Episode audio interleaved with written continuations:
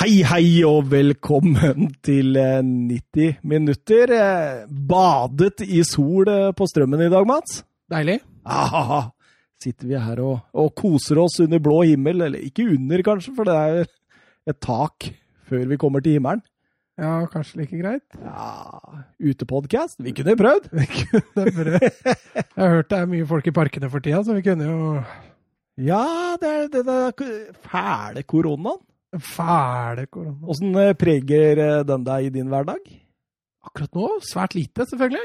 Jeg skulle jo veldig gjerne selvfølgelig sett at breddefotballen kom i gang igjen. Det preger jo lite grann, men ikke sånn livet mitt generelt. Nei. Har jo full jobb og Ja, så du er fornøyd? Ja. Ja. På det generelle så er jeg fornøyd. Jeg har eh, Jeg merker den altså på jobben min. Det sier jo seg sjøl. Koronaen, altså? Ja. Ikke fysisk, men eh, at det blir en del tiltak. Og så, og så er det sånn det, det, det, preger meg litt humørmessig i år, siden liksom på en måte staten åpna opp for fritidsreiser rundt omkring i eh, vide verden. Og dette med at man liksom fester til seint på kveld, eh, tett i tett, og drikker alkohol og, og, glemmer alt som heter sånne regler, som gjør at de setter andre i fare. Så, sånne ting da, irriterer meg. Harryhandel irriterer meg nå. Også fadderuka. Ja, ja. Den begynte jo nå. Ja, men jeg, jeg håper bare avlyser hele greia. Ja, nei, altså, nei, det var, så, politiet har vært i det Vært mye ira i går kveld og natt, skjønte jeg. Ja, ja. Og de har jo ikke lov til å gi bøter heller, selv om folk bryter i gåseøynene koronareglene. Så. Ja, men det var vel det han sa på den pressekonferansen i dag, han godeste Raimond Johansen, tror jeg. At, uh, at, det kunne bli dyrt med en utepils i parken framover. Ja, så bra. Så bra. Jeg gir politiet en hjemmel der, sånn at uh, ja, vi, vi, må gjøre noe i hvert fall. Det er liksom Leser liksom at det, de, de, sier det at uh, det er ikke sikkert foreldra kan bli med seksåringene inn på første skoledag og sånt. og Da blir jeg så sinnssykt provosert. De kan stå i polkø på Charlottenberg, eller hva det heter. Tett i tett. Men du skal ikke få lov å bli med ungen din inn på første skole. Jeg, blir rasende, altså. Dette her sklir litt over i politikk. Vi...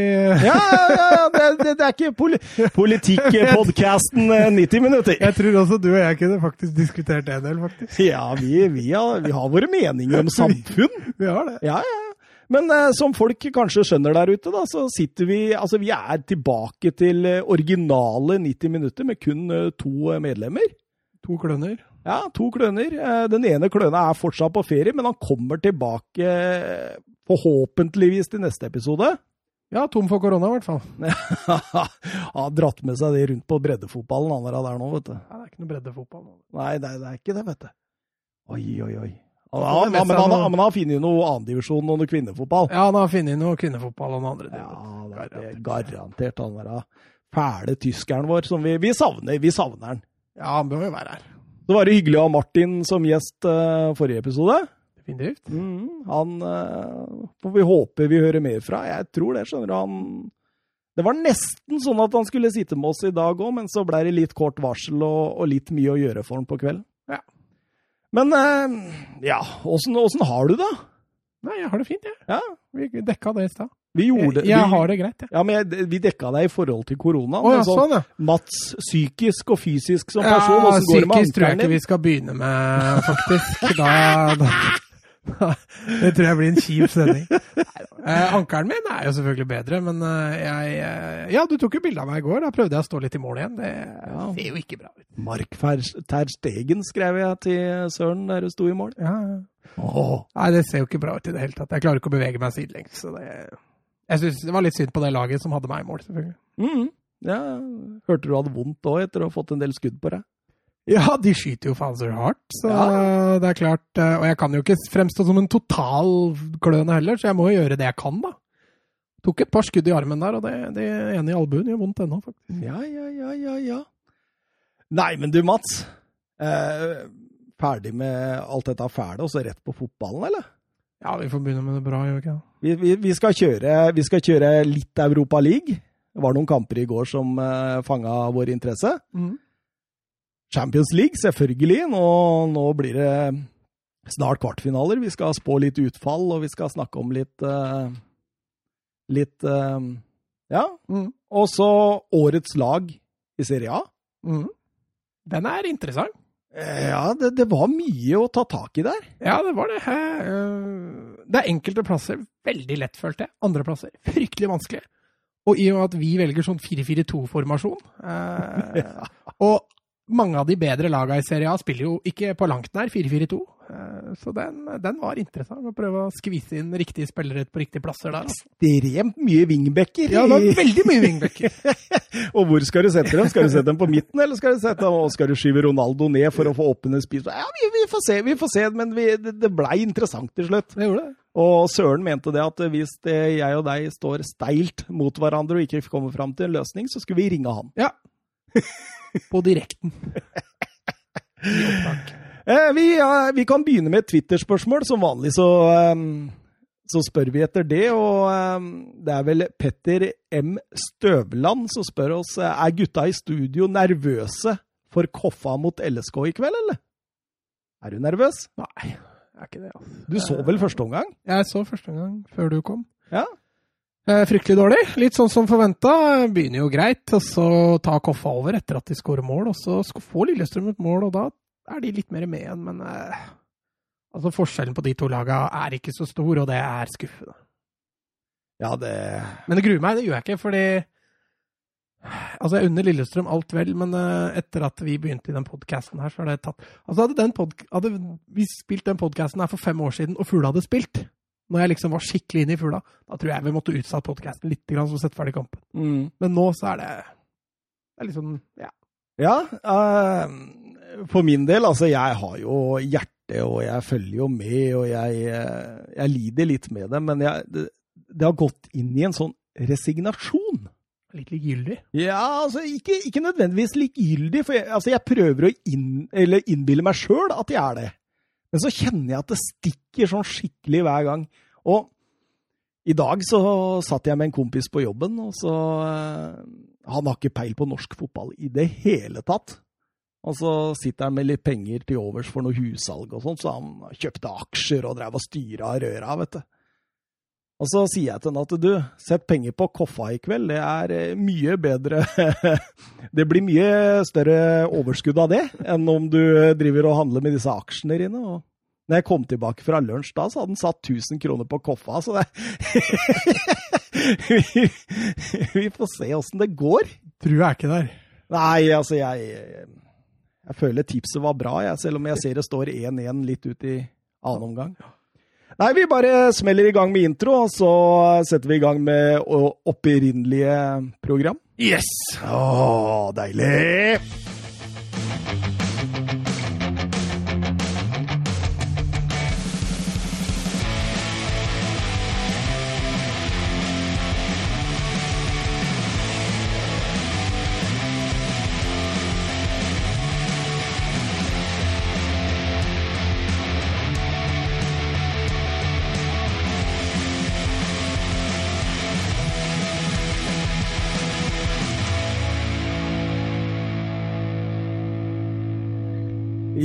Ja Så eh, Mats han gjorde litt narr av meg under introen. Eh, forrige episode, der, Å, ja, den. der var det to introer. Én En når vi ikke prata, og en når vi prata. Det beklager jeg så mye. Det var en teknisk svikt fra vedkommende, Vedkommende. vedkommende her.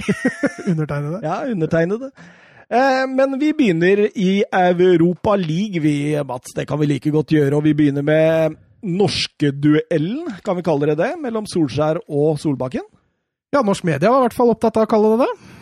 Da er, vi er vel norsk media, er vi ikke? Ja, vi, er, vi, er vi media? er norsk media. Men eh, jeg syns jo det var en forferdelig førsteomgang. Ja, fra United, ja. Ja. Hvis du ser på det med den Ja, altså, briller. Solbakken og København gjør jo sitt. Hvis du ser det fra København med København-briller, så var det en strålende omgang. Ja, absolutt. De ligger jo tett og kompakt, de. Og de er jo veldig godt organiserte. da. Ståle har gjort en god jobb sånn sett. Ja, men jeg syns Kjøben er flinke med ballen òg. Det er ikke sånn tupp og mæle-fotball eh, når du møter bedre lag, at du fort blir stressa. Ikke nødvendigvis fordi du har press, men fordi du møter de beste. Eller gåseøyne de beste. Ja, ja. Eh, Jeg syns ikke Kjøben lot seg skremme i det hele tatt. Og inngangen på kampen til Ståle var eh, Jeg sier Ståle. Solbakken var, eh, var strålende. Mm, absolutt. Jeg, det var ikke mye United kom til heller. Altså, det var vel Var ikke et Fikk, mål fikk vel en annullert ja. på slutten med Greenwood der, som var i hårfin offside. Men eh, ellers så var det, det var fryktelig tamt. De fikk ikke involvert Bruno Fernandes, og de gangene han ble involvert, så, så fikk ikke han til noe. Eh, Jeg syns Pogba var et lite lyspunkt i første omgang for, eh, for United. Ja, du syns det, ja? Ja, jeg syns han legger ned mange meter. og Slår sjelden bort ballen. Eh, Fred var jo svak. Som vanlig. Som vanlig. Men eh, i annen omgang så syns jeg de stepper opp litt, disse røde fra Manchester. Ja, det er mulig han tok med hårføneren fra, fra Manchester der, eh, Solskjær. For det skjedde i hvert fall lite grann.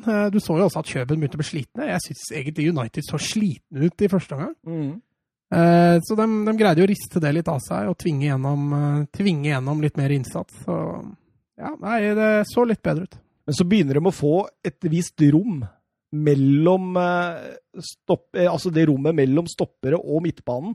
Og når du får involvert Bruno der da, så begynte det å skje ting, og, og det var jo et par stolpeskudd der. eh. Ja, altså, Det var ikke bare Bruno heller. Du så Greenwood og Rashford kom også inn fra kantene. som fikk masse trusler inn i, inn i mellomrommet der, og, og bekkene var offensive. Så det stemte mer, og du så Kjøben sleit med avstanden i, i eh, både bakre firer og på midtbanen.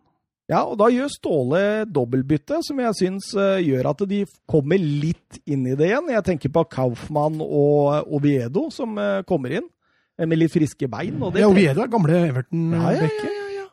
Og, vi, og Sunderland, ikke minst. Han var jo med i denne Sunderland til I die. eh. Ja, ja, stemmer det. Ja, ja, ja. Stemmer det. Og så, nei, altså, Darami syns jeg var litt kjipt jeg ble bytta. Jeg syns han var kul. Eh, kul, sånn i Martin uh, Fleische-ånden. Um, Han er kul. Han er kul. Eh, 18 år og så uredd i spillestilen. Det var, det var gøy å se på. Eh, Litt kjipt at han ble ofra, men litt forståelig, for du så utover andre omgang så ble mer og mer borte. Han henger på veggen vår, Mats. Ja, jeg vet det. Ja, Uh, husker du hvem som det var deg. Det var meg. Det var du som hadde den som uh, ukas talent. Stemmer det. Um, nei, altså, men det var et fornuftig trekk av eh, Solbakken. Fikk litt mer kontroll, selv om jeg følte United uh, Hvis vi kan si at noen kjørte kampen, så var det vel dem. Og det var to slitne lag når klokka passerte 90 der. Mm. Og du tenkte, i hvert fall jeg tenkte jo det at dette går til straffekonk, faktisk. Ja, for, på grunn av at begge lagene så så det var, slitne ut. det, det var akkurat derfor. Men så kommer Manchester United ut i første ekstraomgang som en kule. Mm. Presser høyt og står på altså, Det er akkurat som Ole Gunnar Solskjær har sagt litt til dem, at du, vi kan ikke tillate oss straffesparkkonkurranse. Nå må vi gå for det. Vi står høyt. Mm. Vi, vi jager dem, vi stresser dem. Og det ga jo uttelling. Ja, var det straffe? Nei. ja, altså, altså jeg, jeg tenker jo at Det var ikke en eh, sånn grov, obvious feil som gjør at VAR bryter inn, men hvis du Altså, jeg hadde hatt trøbbel med å dømme straffe på den. altså. Men Bjelland gir dommeren muligheten til å dømme det. Ja. Det er der det ligger litt. Mm. Og jeg syns liksom Altså, Manchester United de har fått 21 straffer i alle turneringer eh, denne sesongen. Altså, det er ikke noen topp fem-ligalag som er i nærheten engang! Og jeg syns veldig mange av dem, ikke alle, men veldig mange av dem, er i gråsona. Det var mot Tottenham den gangen. Det var mot den gangen hvor, eh, hvor han Bruno stempla mm, Aston Villa. Ja, ja, ja. Og jeg, altså jeg, jeg skal ikke gå ut med noen konspirasjoner og sånt her. Det er ikke sånn at Manchester United eh, skal ligge an til å få dommeren med seg mer enn andre storlag. Men jeg syns det er litt rart når det kommer gang på gang på gang. Altså, det er Nok en gang så er denne billig, og det blir underkommunisert i norsk media. Ja, altså, jeg er jo litt naiv, jeg, da. Eh, Jeg, jeg, jeg drar jo ikke dit hen Jeg tenker jo ikke konspirasjonsteori i det hele tatt. Eh, Jeg tenker jo United er, er heldige igjen. Ja. ja, men det er helt greit å tenke det. Altså. Jeg mener det. Eh, Bruno Fernandes uten hopp. Ja, men han har jo han variert. Ja, Han, er- det- han hopper ikke hver gang. Eh, Men det kanskje gjør at keeperen må, må, må tenke seg om to ganger før han tar et hjørne. Og da tenkte jeg nå er det avgjort. Nå er det avgjort. Ja, Kjøben så jo fryktelig sliten ut. Hadde gjort det egentlig 60, eller 60, i hvert fall, eh, i hvert fall 50 minutter fram til da. Så når United først fikk hull på bilen, så tenkte man jo det. Ja, og jeg, og jeg tenker jo at Ståle Solbakken hadde litt den inngangen nå. At det liksom litt sånn safety first. Vi skal prøve å, å holde på ballen. Vi skal være eh, tålmodige. Vi skal være vågale.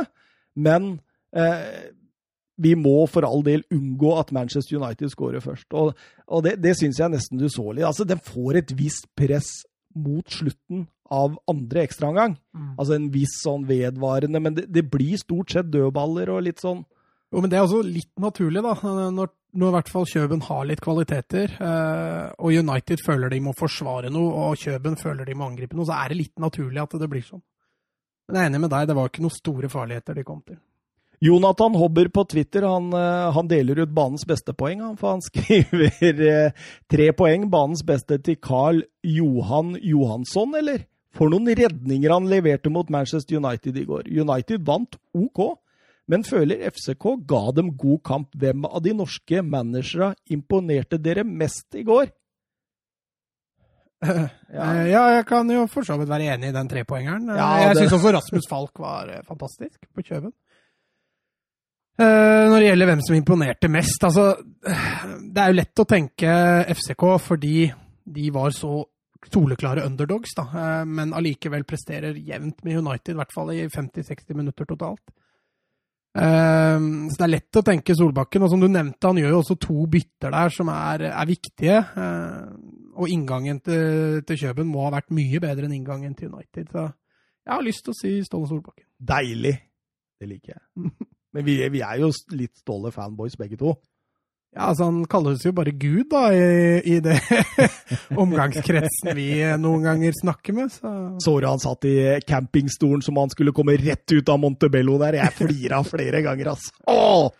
Han lova jo bort bonusen sin hvis de skulle slå United òg. Da hadde ikke spillere hatt noe å bekymre seg for resten av livet. sånn, så det...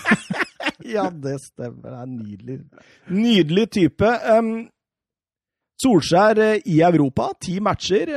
Sju seire, to uavgjort og, og ett tap bare. Det er sterkt. Tenker du da med Champions League i fjor? Ja, det, det var vel det Oppda skrev. Uh, ja, det ble Jeg tenkte, slo ikke Borsa United på Old Trafford? Og så vant de også på Kan det være Europa League eh, Oppda mener her? Bare Europa League i år. Ja, jeg tror det høres ja. Eh, riktigere ut, for det er seks kamper Men da sier vi det. Det er sterkt gjort! Sterkt gjort i Europa! Ikke så sterkt som jeg trodde, men sterkt!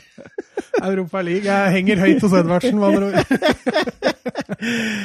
Inter eh, Bayer Leverkosen spilte jo også. Um, syns jo det Altså, jeg, satt, jeg så jo Manchester United i går, og så tenkte jeg nei, jeg må se Inter Bayer Leverkosen også. Samboer og min eldste hjemme satt og så på Skam oppe, så da passa det perfekt å, å, lure inn en kamp til. Og, og jeg jeg syns dette var en meget, meget god fotballkamp. Ja, det var en fryktelig artig fotballkamp som bølga fram og tilbake der òg. Inter det beste laget og vant fortjent. Ja, altså i hvert fall i første omgang, da. I første omgang så var den veldig gøy. I andre omgang så er det litt sånn åh. Fordi altså Andre omgang så spiller jo Inter Conte altså det, det, er jo en omgang eh, altså På menyen så ville det stått eh, Conte Delight eller et eller annet sånt, fordi den er tatt rett ut fra menyen på en eller annen italiensk bistro. Det er helt, det er helt klassisk Conte. Han bare stenger av matchen. Nå har vi gått videre, og Bayer Leverkosen skaper ikke veldig mye. Det er Barella som setter 1-0 i første omgang der. Eh, Lukaku råsterk i 2-0. Eh, du var ikke like enig i at det, altså Jeg tror kanskje du hadde høyere forventninger til målet, siden jeg Ja, du haussa det så fryktelig opp der, så Når jeg da skulle se, se det, så blei jeg litt skuffa. Ja, han er fryktelig sterk der, viser god balanse og timing, og, og for så vidt avslutningsegenskaper også, men Absorbe er jo ikke noe smågutt, selv om han har vært eh, direkte svak enkelte kamper denne sesongen. Nei da, for all del. Altså, det var ikke sånn at jeg satt og sa at det var et ræva mål. Nei, men hvis jeg kunne velge mellom å skåre Barella sitt eller Lukaku sitt, så hadde jeg valgt Barella. Det er ja, litt mer finesse og oversikt over det målet der. Og det er jo klasseforskjell mellom lagene. Og Inter pøser og pøser. Og det er, at Havert skårer 2-1, det er mot spillets gang.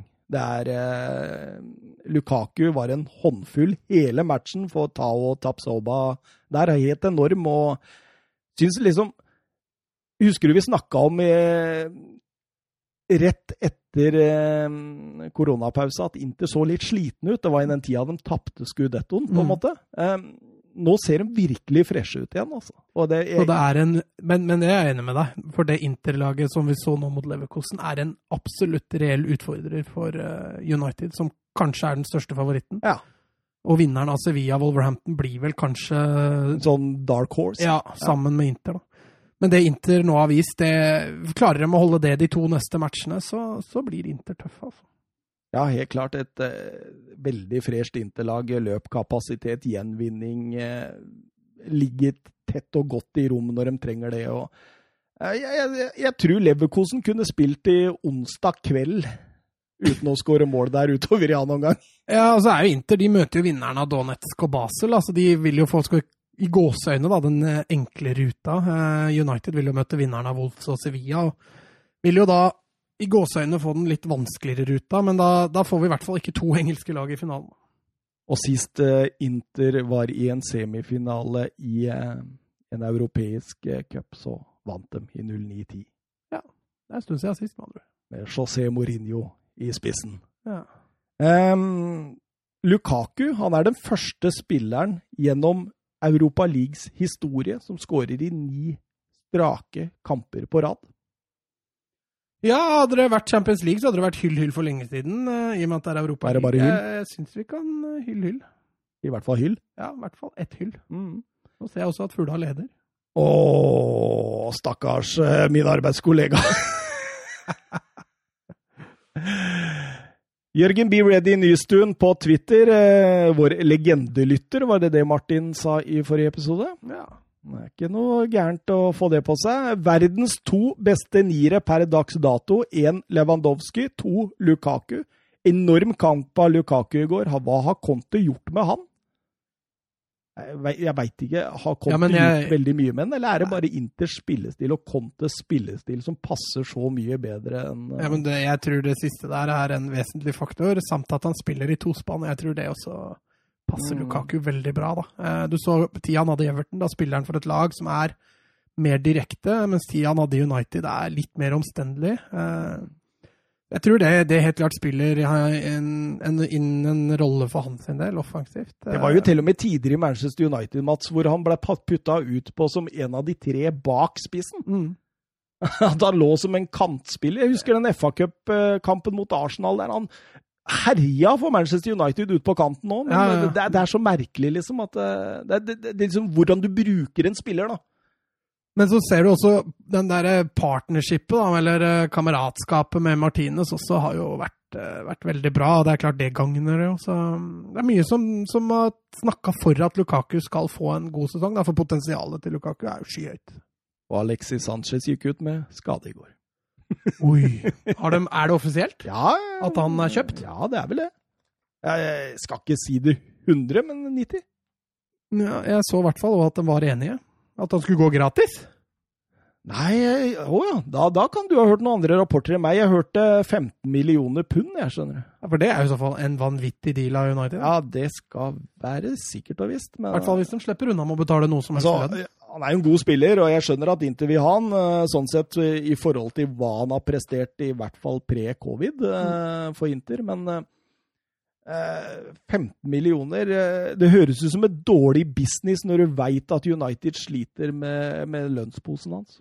Ja, også, men jeg må jo bare anta at han kommer ikke til å tjene i nærheten av det han gjorde i United i Inter, men det er kanskje noe han er villig til å ofre for, for å få lov å spille der.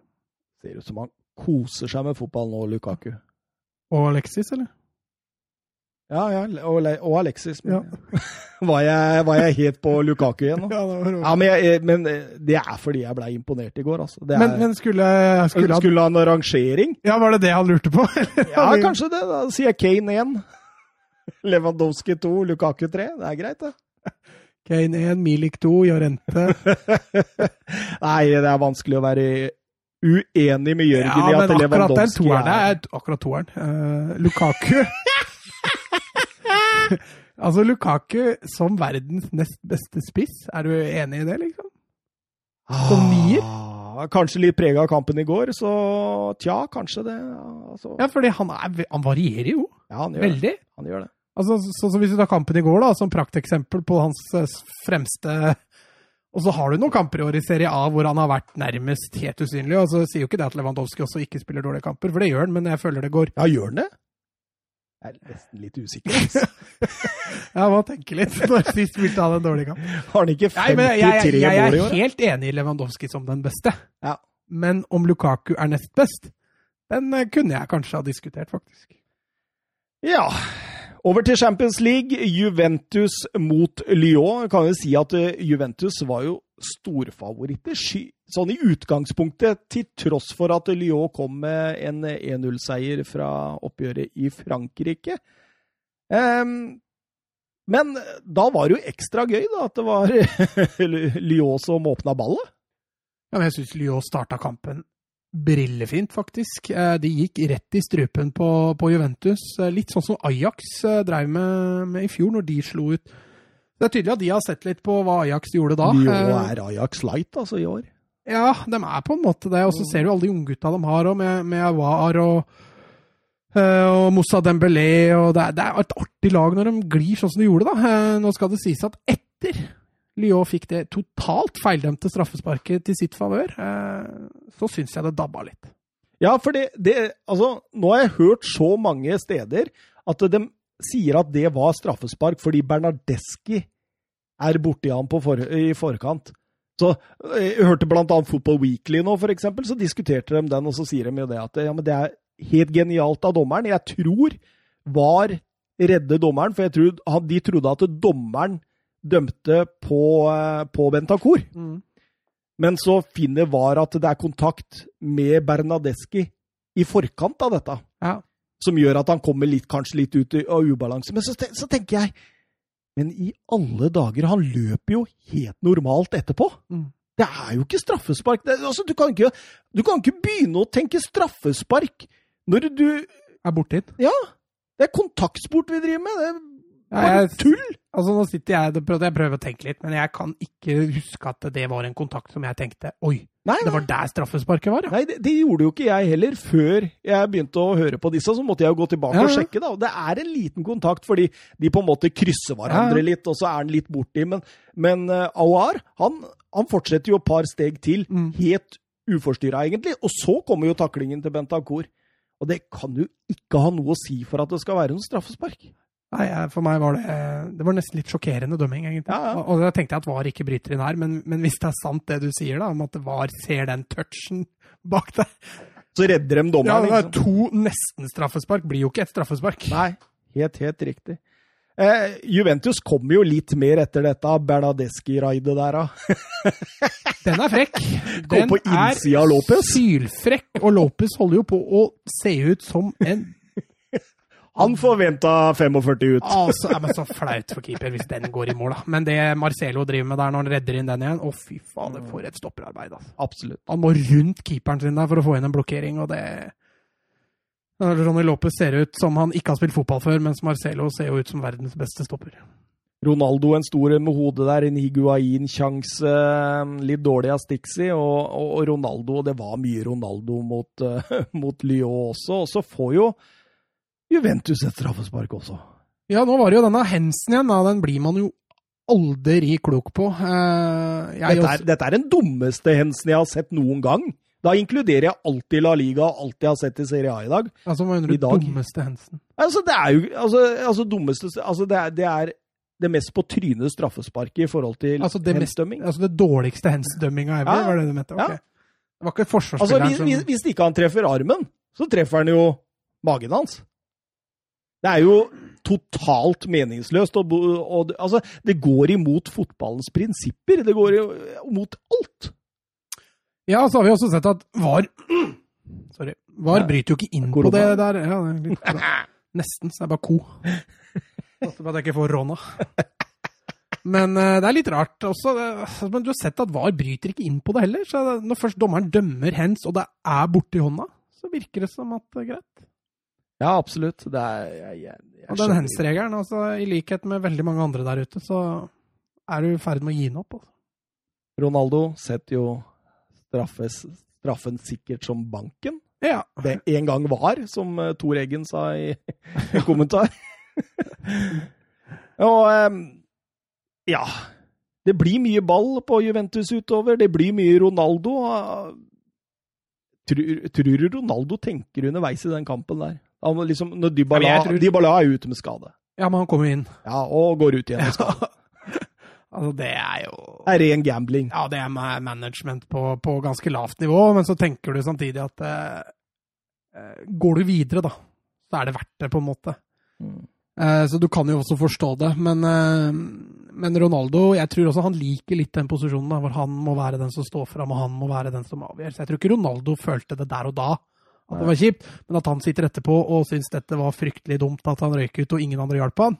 Det kan jeg love deg, det, det tenker han helt sikkert. Han har, han har jo vært i denne situasjonen mange ganger, Ronaldo. Og så har han sett rundt seg, og så ser han han ser Benzema, han ser Modric, han ser Cross, Kroos, han ser eh, Bale. Ramos, Ja, ikke sant? Og, og, og, og så kikker han rundt seg nå, og så ser han eh, Ramsey og Bernadeschi. Bernadeschi og, og Rabiot. Det er, og Stixi på topp! Det er, det er klart at det, det gir en reality-sjekk ut av en annen verden. ja, dette Juventus-laget her var 120% avhengig av at Ronaldo skulle skyte dem til det trofeet hvis de skulle vunnet Ja, Champions de, League. har, de har blitt et one-man-team. Ja, det er jo litt sånn som Barcelona Ja. også, um, og flere for så vidt. Uh, og når Ronaldo da mangler den lille edgen som han hadde hatt for fem-seks år siden, så ryker de ut mot Lyon. Men han har likevel litt edge, for den 2-1-målet han eh, presenterer der, det er jo bare Ronaldo. Så- Ja, det er klasse. Eh, litt hjelp av keeperen som dytter den helt opp i krysset, Ja, bare, eh, bare for å sørge for at men strålende langskudd og keeper er jo, er jo utgangspunktet sjanseløs. Det er egentlig litt godt keeperspill at han faktisk får en finger på den ballen, men har ikke noe annet han skulle sagt, egentlig. Men uh, Lyon forsvarer seg inn til, eh, Ja, til avansement. Heroisk òg. Du føler jo det at eh, når det er 2-1 der og Juventus sliter, så ser du at Lyon har trua på det. Fembeck-system, tette rom, uh, oppi mann med en gang. eh, enorm løpskapasitet og vilje. Og det er, er sterkt. Er to franske lag i kvartfinalen. Det, det er en stund siden sist. Og, og denne, denne direktøren i Lyon som fortsatt ønsker å selge til PSG, han må vel snart uh, Ja, han må snart Ja. se seg sjøl i speilet. Altså. Nå skal de eh, være uten Europa neste år, altså, sant de ikke vinner eh, dette her, siden den franske ligaen ble jo avbrutt pga. Av korona, Mm, og det. på det tidspunktet lå Lyon utenfor Europa. Mm. Eh, Rudi Garcia, treneren, eh, meget omstridt han kom jo fra Marseille. Mm. Som er jo Det er hat. Det er hat. Og mm, jeg husker jo tidlig i sesongen, så, så, så ba jo klubben supportere om å være så snill, la være å mobbe mobben på sosiale medier og sånn, for det kommer jo det ene etter det andre. Det er for stakkars Rudi. Så eh, Men Champions League kan redde den litt, altså. Ja, men de må jo vinne Champions League for at de skal få lov å spille der neste år. Eh, og som du sier, Europa League blir det jo ikke. Og de vant jo ikke cupen heller, så da gjorde det at de ikke fikk, fikk den heller. Så jeg har ikke noe troa på at Lyon skal klare å vinne Champions League, men, eh, men det er som du sier, han kan redde æren her. Mister eh, Støvland, da er vi over på Petter Støvland og Twitter. Han eh, skriver eh, Det er ikke Støvland, jeg, nå surrer jeg litt her, skjønner du. Det var Sander Midtstund som Støvland han spurte oss om LSK. Han, Åssen går det der nå? 2-1? Var det Raffen som skårte? Nei, det er ikke Jeg tror det, skjønner du. Det er en eh, fin uh, greie. Nei, eh, Sander Midtstuen eh, skriver eh, Vi må jo få tankene deres rundt Andrea Pirlo-ansettelsen. Og hvem ser best ut på sidelinjen? Sarri i Pirlos klær, eller Pirlo i Sarris klær? Jeg syns det siste der er verdt å diskutere, faktisk. Eh, det første der er ikke så farlig, for da tror jeg vi begge er enige om at det er veldig romantisk. Ja. Um, det siste der er, er fiffig. Da måtte jeg, det tenkte jeg at det, det er faktisk et genialt spørsmål. For det er ikke lett å svare på, altså. Eh, Det, det er et nydelig spørsmål. Det er et av de bedre spørsmåla vi Ja. noen gang har fått inn, syns jeg. Jeg, jeg, altså, jeg tror jeg hadde gått for Pirlo altså, i Sarri sine klær. Selv om det ser fryktelig dumt ut, tror jeg. Pirlo i grilldress. Ja. Bedre enn uh, Sarri i smoking. Ja, jo, jo. Kan, kan være. ja. Har du ikke sett Sarri smoking på disse? Du, du har jo det. Ja, han, han, ser jo ut som en sånn mafia... Ja, han gjør det. Han ser litt kul ut, faktisk. Ja, han gjør det. Litt ma mafioso. Ja, jeg gjør om svaret mitt, jeg. Kan jeg gjøre det? Jeg tror jeg går for Sarri-dress. Ja, det er nydelig. Men, men, men uh, Pirlo, vi snakka om romantisk her. Uh, og uh, nå, nå, går Ju Juventus egentlig imot alt de på en måte hele tida har stått for, men sånn Altså, nå tar de sjanser! Ja, og så er det veldig spennende å se. Nå har jo Pirlo har vel hatt tre uker med trenererfaring fra U23-laget til Juventus, så, så, noe særlig indikasjon på hvordan type fotball han ønsker å spille, er jo ikke mulig å få fram, tror jeg. Så det skal bli fryktelig spennende å se Den blir deilig. Altså, det, altså romant, det romantiske i det er jo at han heter Pirlo og skal trene Juventus. Det er jo romantikken i det. Mm. Uh, men fotballen han skal spille, blir jo veldig spennende. Skal han spille fotball som han sjøl spilte, så blir dette nydelig. Hvis han får det til, vel å bemerke. Uh, og nå har jeg jaggu hørt at han er ute etter eh, Sandro Tonali òg. Tenk det, ja! Kanskje det var derfor de ansatte den, for de skulle ha, ha Tonali. Ja, ja, ja. ja. Han, nå, nå, vet, du hva, vet, du hva, Nå har Pirlo sagt at uh, Ramsey han kan vi sende tilbake til de Balløya. Han skal, vi, han skal ikke ha noe av. Og um, han har også um, sagt det at uh, han har lyst til å, å avslutte interessen for Jorginho. Så Juventus har egentlig avbrutt, ifølge ryktene, mm. absolutt all uh, kommunikasjon med Chelsea i forhold til dette. Ja. Og så skal de gå fullt og helt for ja, altså den unge Pirlo. Ja. Sandro Tonali. Det er, ja, Mer romantisk enn det blir det jo ikke. Nei, det, det, det, er så deilig at jeg begynner nesten å gråte. Det er, det er akkurat som altså Da var det ikke så stort, da, men det var litt som Guardiola tok opp Busquets. Ja. Oh, oh, oh. ja for men da, det, det, var jo også ganske like spilletyper. Ja, men da var ikke Busquets så kjent, så det var ikke så lett Nei. å være romantisk på det. Nei. Men Tonali kjenner vi jo godt til nå, og Pirlo kjenner vi jo godt til, så det der blir jo eh... Å, så deilig hvis det der skjer. Så deilig, liksom. Da, da, da, gleder jeg meg til neste sesong i Serie A. Sånn skikkelig, liksom. Sånn at de spenner litt i kroppen. De trenger mer, vet du. ja, ja, jo, jo. De, de, en Tonali redder ikke De trenger en spiss, og de trenger Men, men nå er de jo Kulisevskij er, er, vel er klar, klar, og han der Det var en annen som var klar òg. Hva er det?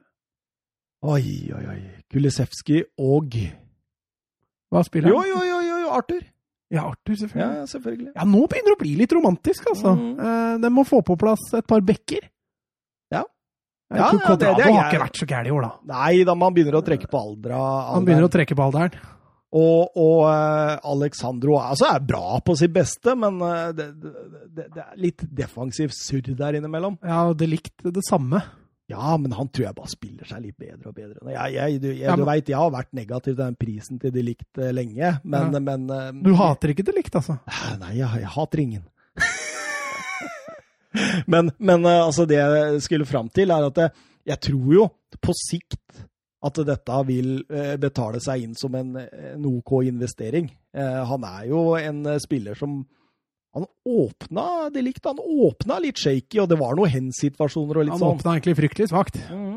Spilte jo ikke bra offensivt heller. Men, men syns han har funnet partnerskapet med Bonucci ja, greit? Jeg syns jo ikke han kløna litt mot Lyon? Jo da. Han er litt feilplasseringer ja, ja. og litt dårlige involveringer. Men og... hvor gammel er kalven, da? Ja, Han er 20, er han ikke? Det er masse, nei, altså, Jeg sier ikke at han er ferdig. Nei, nei, han er ikke helt most. Nei, han er ikke ferdig, nei, nei. men uh, og så er det partneren hans, da. Bonucci har passert 30 for lenge siden. Kilini nærmer seg vel 50. Mm. Og Buffon nærmer seg 70. Åh, det er litt sånn pensjonat. Den gamle dame gjør ikke skam på kallenavnet. Var det ikke du som sa Serie A var uh, Premier Leagues kirkegård? Det er, ikke, du kan fjerne Premier League, faktisk. Det er bare en kirkegård. ja, men altså, det, det, er jo sånn at i Serie A det er jo der det satses minst på talenter, i hvert fall i forhold til de ligaene vi følger. Ja, så så du også den statistikken Søren hadde med. Jeg vet ikke om han la den ut, ja, men eh, det også viste jo akkurat det samme. Mm. Serie A lå langt bak.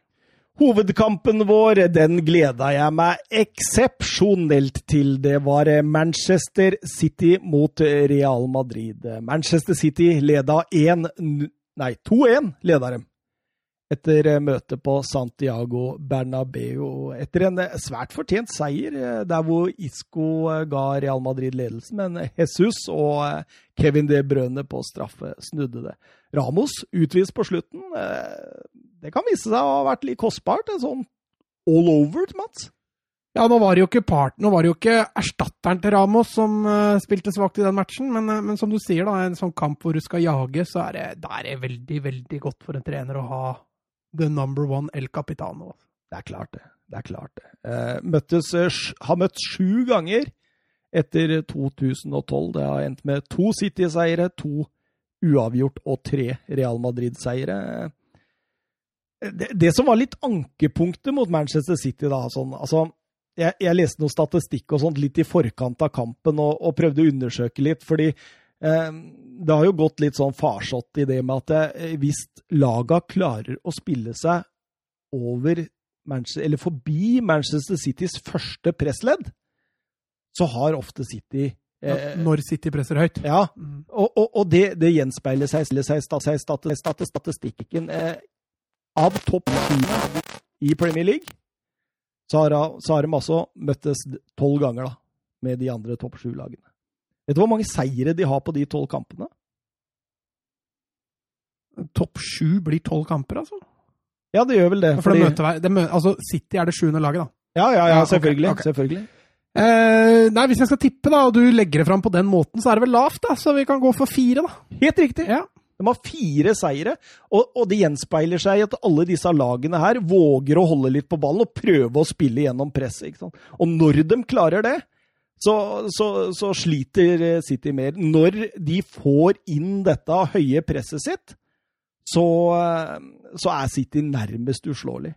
Og jeg syns vi så det litt altså, i kampen òg, at det, det, blei liksom til etter hvert en kamp som den passa Manchester City veldig godt. Fordi Manchester City eh, de pressa jo høyt, og Real Madrid de er ikke vant til å bli pressa høyt.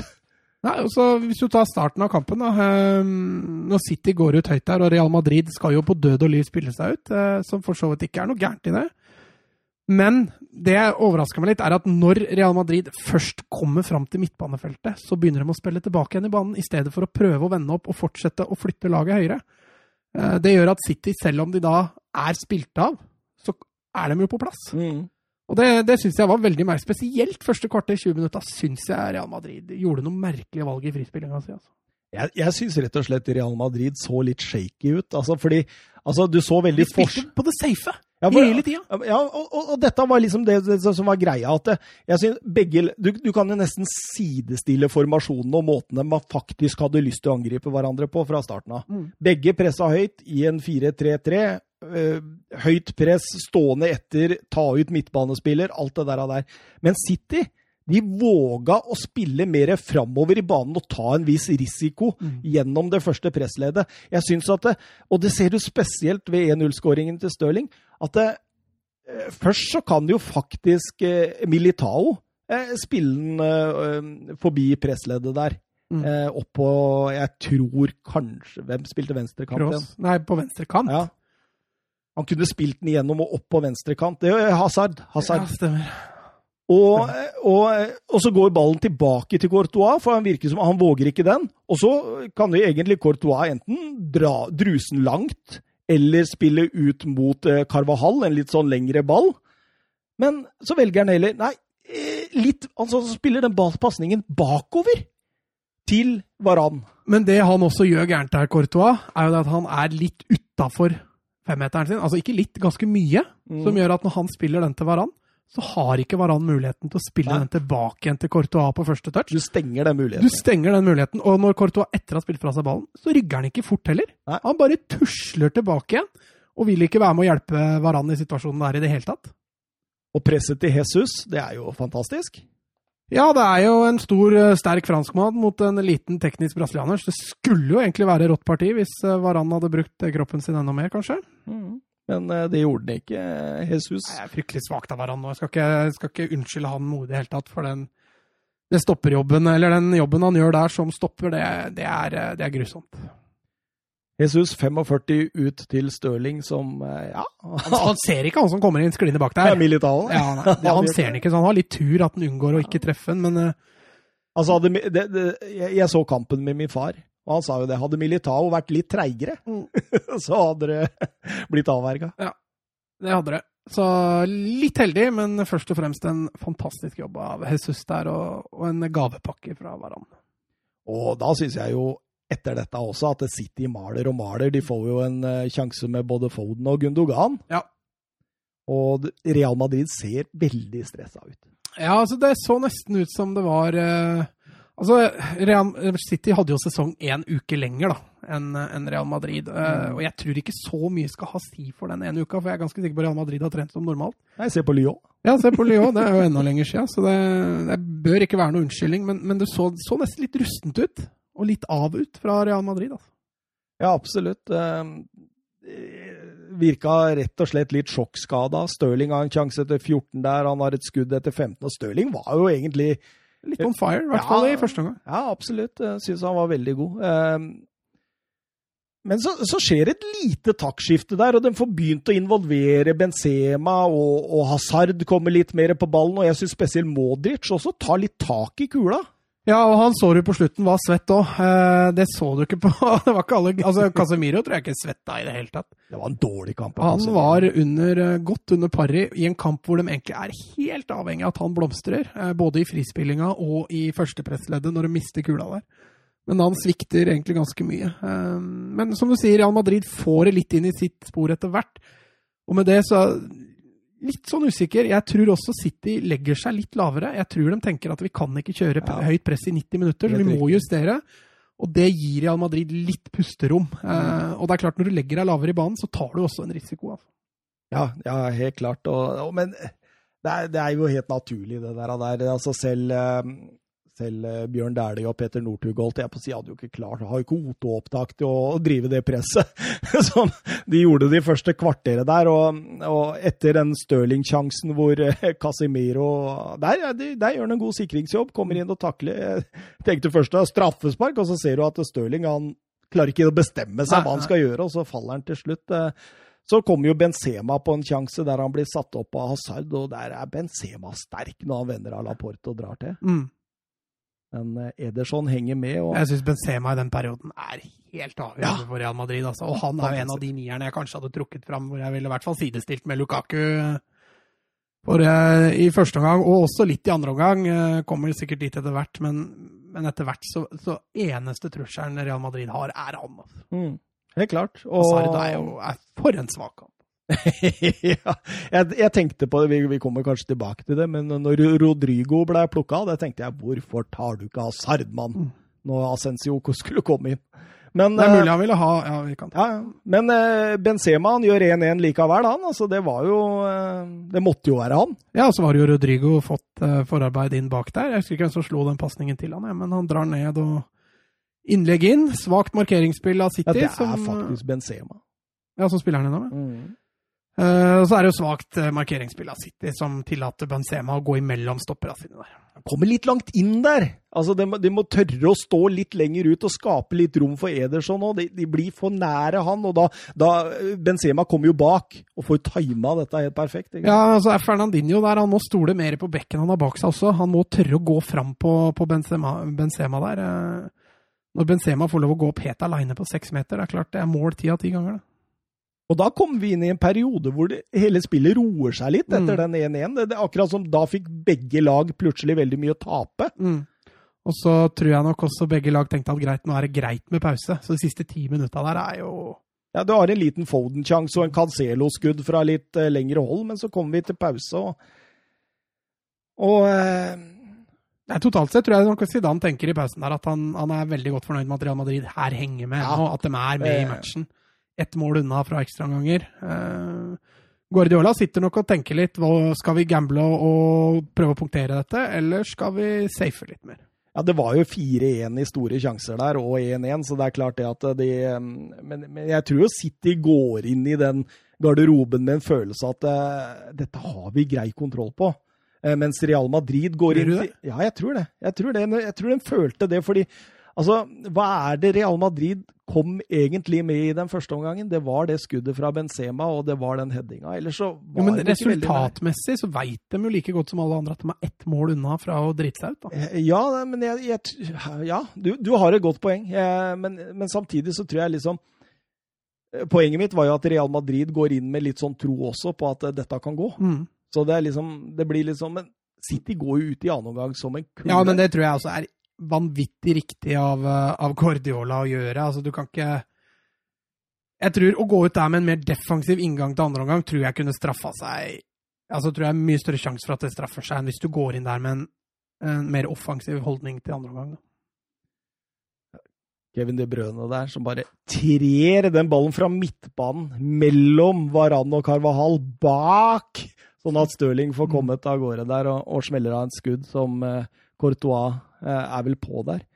Um, og da tenker jeg altså, altså City åpner jo denne omgangen på samme måte, men ser du dem legger seg i 4-4-2? De presser litt annerledes. Ja, når de legger lavt, ja. Mm. ja.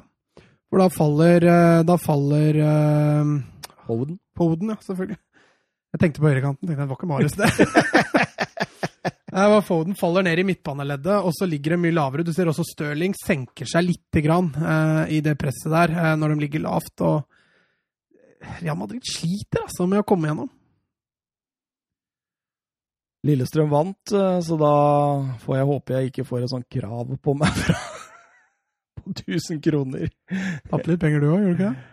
Ja, men det var bare restbeløp. Det var ikke noe, det var ikke noe å tenke på. Eh, jeg personlig er mer glad for at Lillestrøm tok tre poeng.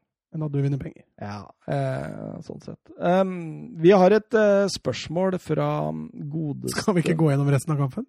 Nei, men det, oh, ja. dette passer så genialt inn i kampen. Okay, okay. Fordi eh, Vebjørn Fredheim han skriver til oss på Twitter at jeg følte at Real Madrid aldri satsa skikkelig utover i annen omgang, nærmest som om de visste at dette ville de ikke klare. Har dere tanker om det?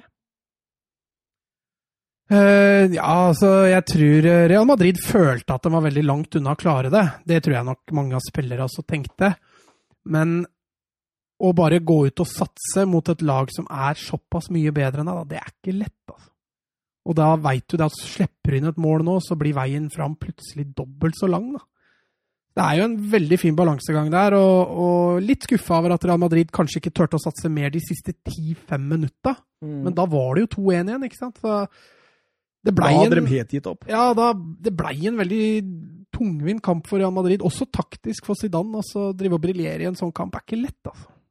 Stirling får en sjanse der når Casemiro roter bort ballen. Mm, ja.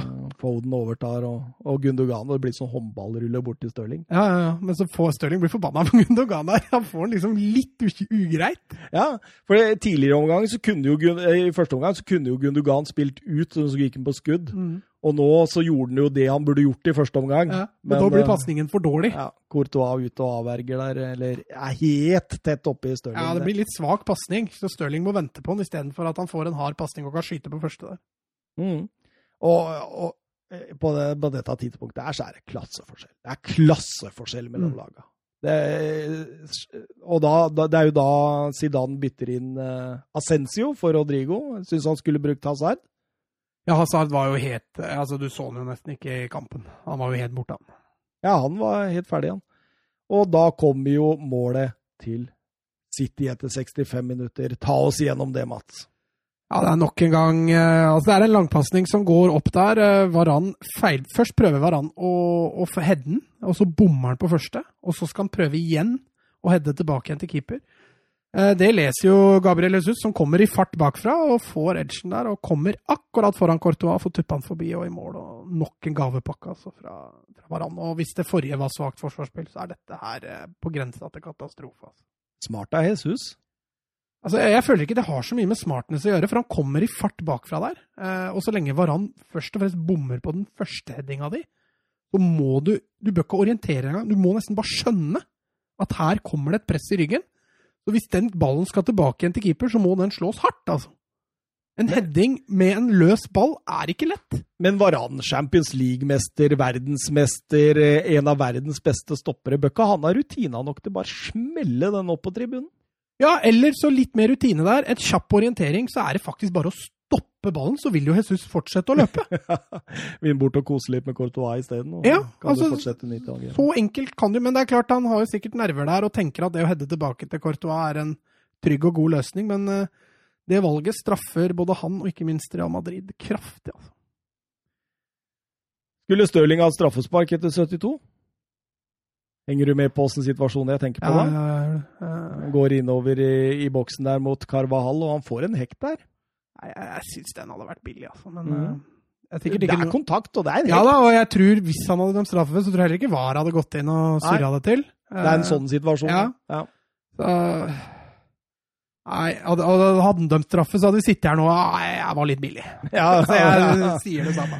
ja, det er bare han programlederen som prøver å være litt sånn sensasjonell. Ja, Sensasjonell. Og da, da, da kommer jo en haug av bytter. Stirling byttes ut med, med David Silva. Bernardo Silva har blitt bytta ut litt tidligere.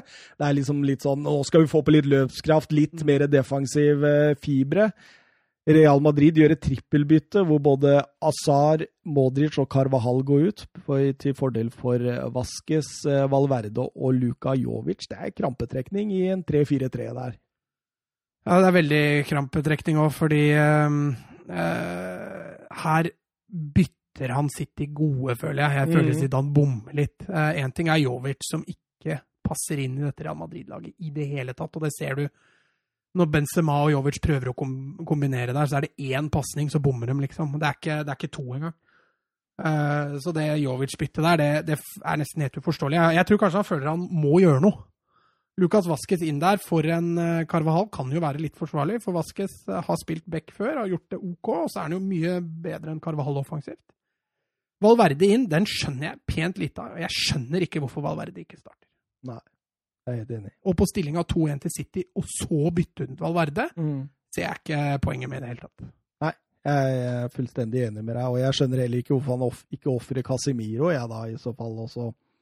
Og så kjører Modric inn som en sånn ballfordeler, og så Valverde ut på høyre. Så får hun den litt mer offensiv i midtbane, og så kan heller bare 3-1 sitte. Ja, liksom. nei, det er jeg for så vidt enig med deg i. Kan heller ta gamble på den. Ja, ja. Eh, ja, for City de kontrollerer ut. De, de gjør som City gjør når de eh, ikke vil gi bort noe initiativ og få noe langvarig press på seg. De presser høyt sjøl og, og bevarer ball. Ja, Og de gjør det bra. De, Absolutt. altså, du satt ikke med noen følelser på slutten der at dette ligger an til å bli var ikke, var ikke litt nervøst engang. Banens beste poeng her inne, Mats. Har du de framme? Det er vel i hvert fall et par stykker der man ikke kommer utenom. Eh, Godeste De Brøne var vel kampens eh, Jeg er så glad for du sier det! er...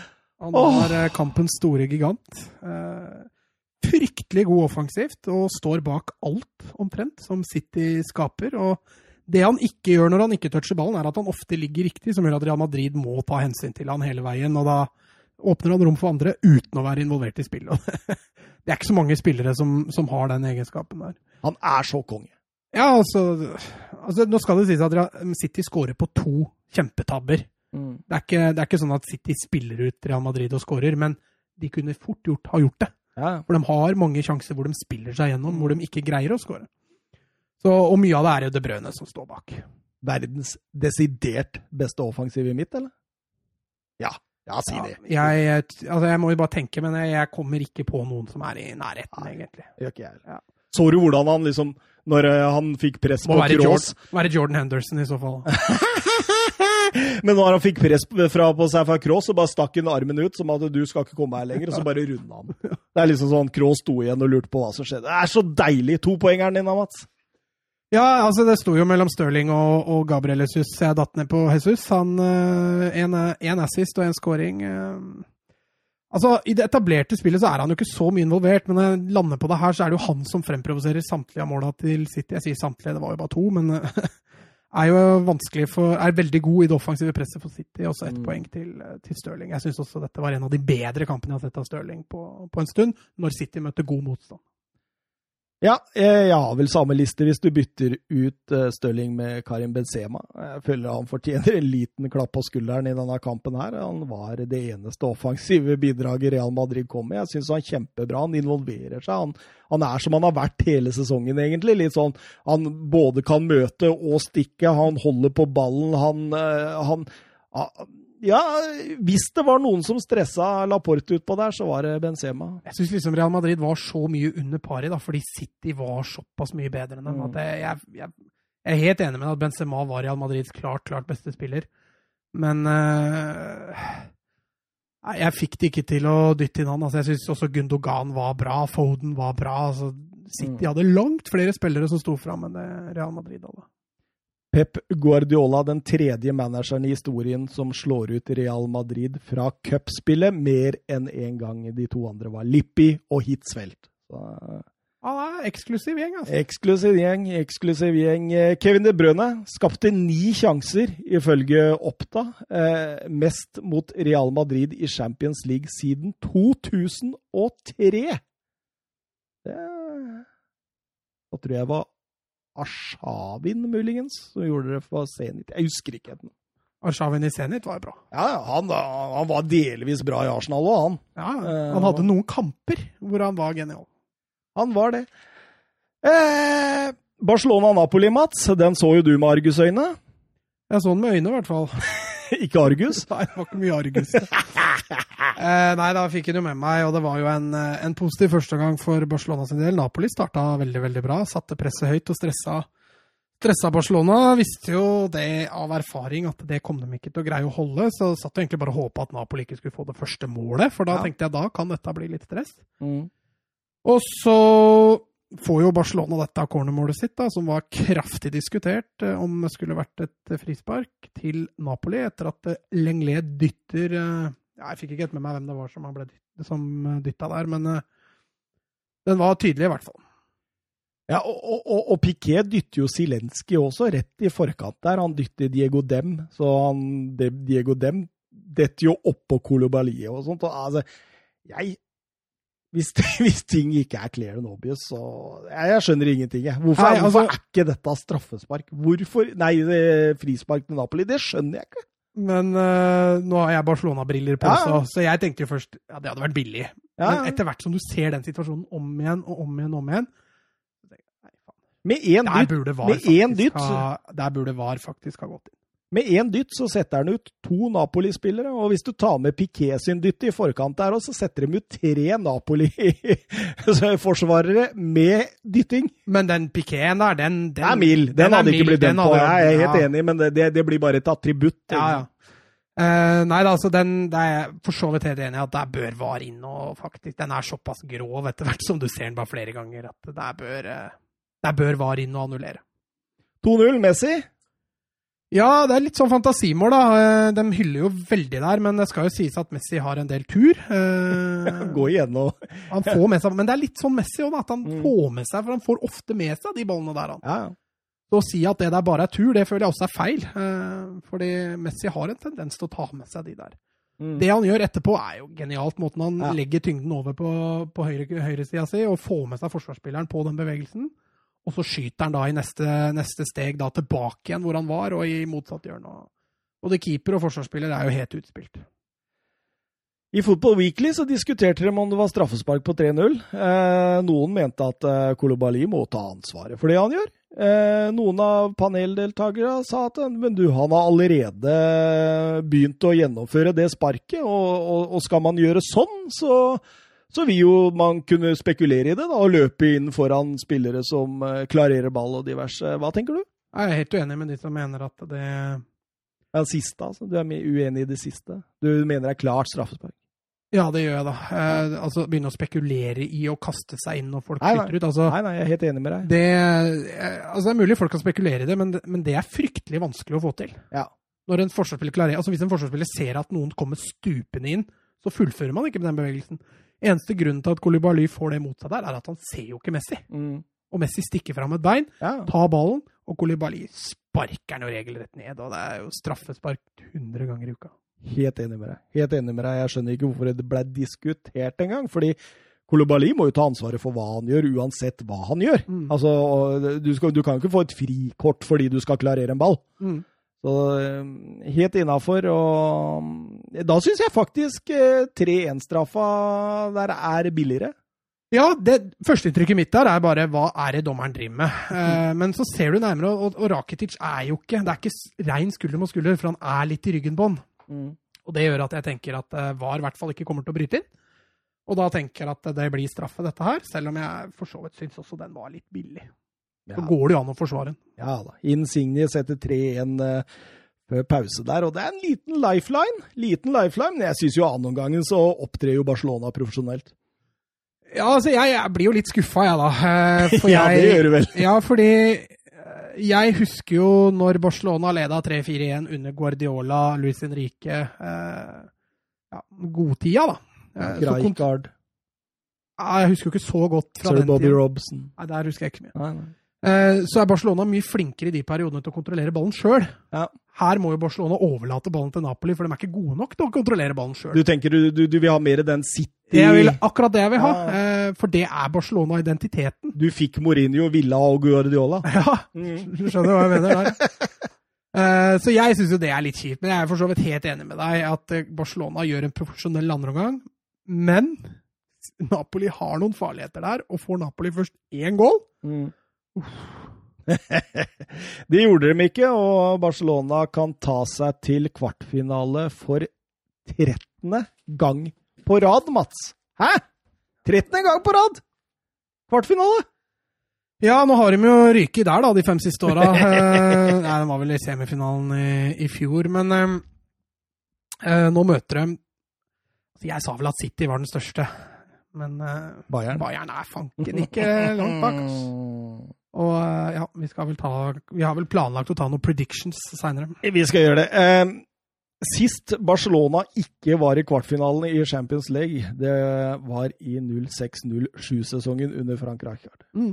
Det er eh, ganske heftig. Eh, Messi har skåra mot 35 motstandere i Champions League. Det er jo latterlig tall. Ja, forskjellige motstandere. Ja, Ja, Det er mest av alle. eh, To bedre enn Ronaldo.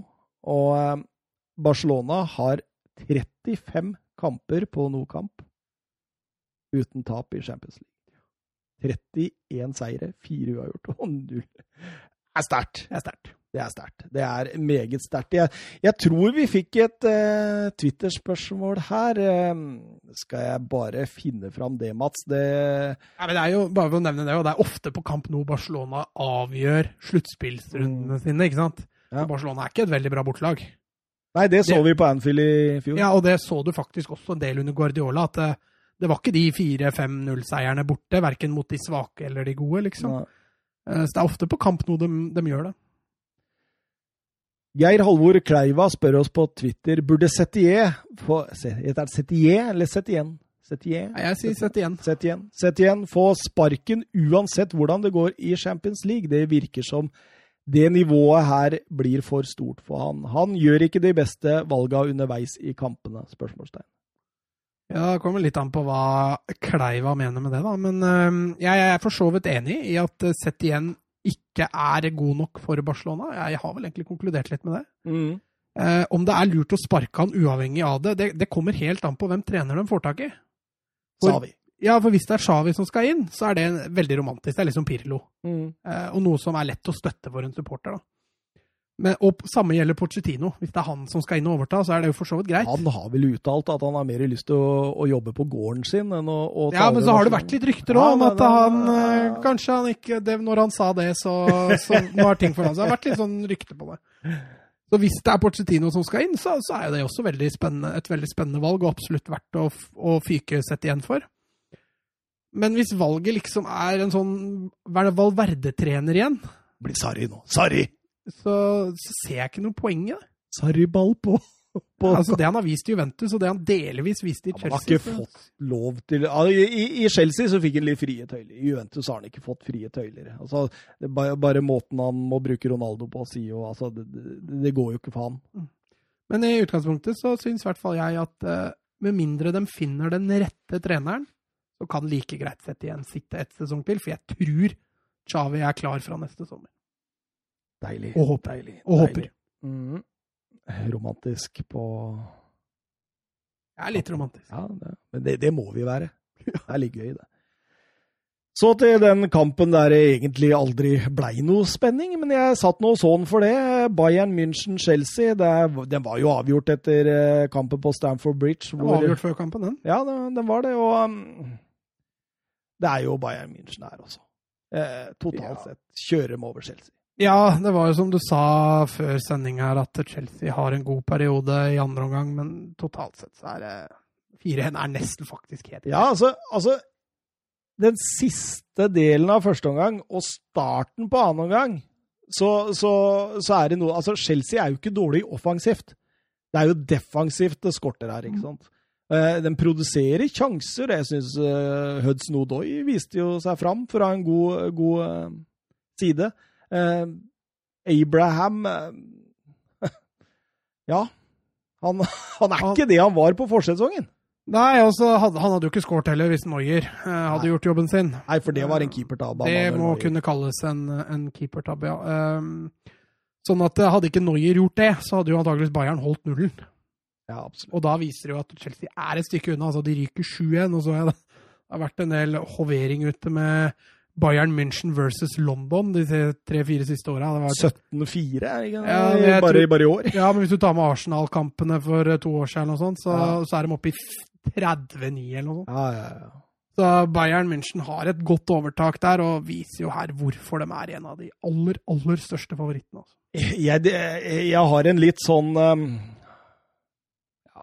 en, en, en, kompis som er litt pro Bayern. Han har, han har vært i studio her før, og veit du hvem jeg tenker på da? Det må være Rune, da. Ja, jeg, jeg, fyrte han noe voldsomt opp, tror jeg. Så beklager, Rune. men, men Altså, han, han, han, skrev jo en tekstmelding til meg som, som, skulle hovere litt overfor både Tottenham og engelsk fotball og alt dette, at Bayern, ikke sant. Så, så, så, så drar jeg fram at eh, du, Bayern München de har vunnet to ganger på 2000-tallet. De eh, sist i Var det mange hauger vi sa år siden? Det var vel i 12 eller 13 når, Rob, mm. når Robben skåra, og så vant de på 2000 eller 2001, ja. var det ikke det? Ja, Mot Karev. Ja. Så jeg sa jo til henne at eh, Bayern München, nå må du slappe av. altså Det er miniputt i Champions League-sammenheng sett uh, pokalmessig. og, og, begynte sånn. Jeg tror han blei litt uh, fornærma, men Det er litt sannhet i det òg? Ja, ja, det er jo det. Altså, du, altså, du kan jo ikke si at Altså, jeg er kjempeimponert over det Bayern gjør nå for tida, under Flick. Det var jo du som holdt dem som favoritt i Champions ja. League før sesongen. Ja, og det, det står jeg på. Er sammen rart. Juvent, sammen med Juventus. Ja, jeg hadde litt større tro på Sarri enn det Ja, du kan gå i baret, men, men, samtidig, da. Dette med Bayern og det greiene der, så er det sånn Ah, ja, men de, de møtte disse eh, laga på veldig gunstig tidspunkt òg, ikke sant? De møtte jo Tottenham under Altså, første oppgjøret, det var jo eh, på Wembley. Var det Nei, det var på Nei, Wembley. Nei, nei, nei. nei, nei. Nå, nå, nå, er jeg tilbake i tid, men det var på eh, Tottenham Hotspur Stadium under Pochettino, hvor han liksom på en måte sleit med å få endene til å møtes, og man liksom på en måte uh, sleit litt med alt, egentlig. Han hadde nesten ikke vunnet i ligaen på et år. Um, og så møter han uh, Mourinho i sin tredje kamp, tror jeg. Var det for Mourinho. Eh, uten Kane, uten Son, uten ditt, uten datt, offensivt. ikke sant? Så, altså de, og, og, samme her i Chelsea. ikke sant? Du, du, de har bøttevis med skader i begge disse oppgjørene. Jeg sier ikke at Chelsea hadde vunnet, men jeg tror det hadde blitt jevnere hadde man hatt en Jorginho hele veien. ikke sant? At det, eh, man hadde hatt en Giroud, en William, en Pulisic. ikke sant? Og en eh, Kanté i første, første kampen. Så, så, så, de har, er litt heldige også, i forhold til når de møter dem. For, for Bayern er et velsmurt maskineri som spiller 12-13-14-15 spillere, og de spiller hele tida, og det blir aldri skader omtrent. Så ja, men, men, men, men kudos altså for all, all del. Ja, de har i løpet av den våren her blitt en av de store Jeg har holdt dem som favoritt jeg lenge. Jeg skjønner ikke det. Vi satt jo begge her og diskuterte dette i starten, hvordan Bayern kanskje kunne snuble i år i Bundesliga, og så allikevel holdt du den som favoritter. Ja, men det snakka jeg om om Juventus òg, Ja, du gjorde det. 7-1 eh, sammenlagt, eh, totalkontroll. Eh, ja, hva kan du si? Chelsea, da, har sluppet inn 79 mål i alle turneringer denne sesongen. Det er 1,44 mål per match. Deres verste siden 1990-91. Og vi hyller fortsatt Frank Lampard. Altså det, det, er egentlig litt overraskende å høre faktisk at det ble så mye. Jeg visste jo at de sleit defensivt. Og så kan du tenke deg at de tre første spillerne de har kjøpt i det overgangsvinduet nå, er Siertz, Havertz Ja, Havertz kanskje. Ja, jeg sier Havertz. Ja. Hvem er han sist igjen? Werner. Werner, ja. Så mm. kjøper de altså tre spillere der de kanskje har vært best, da.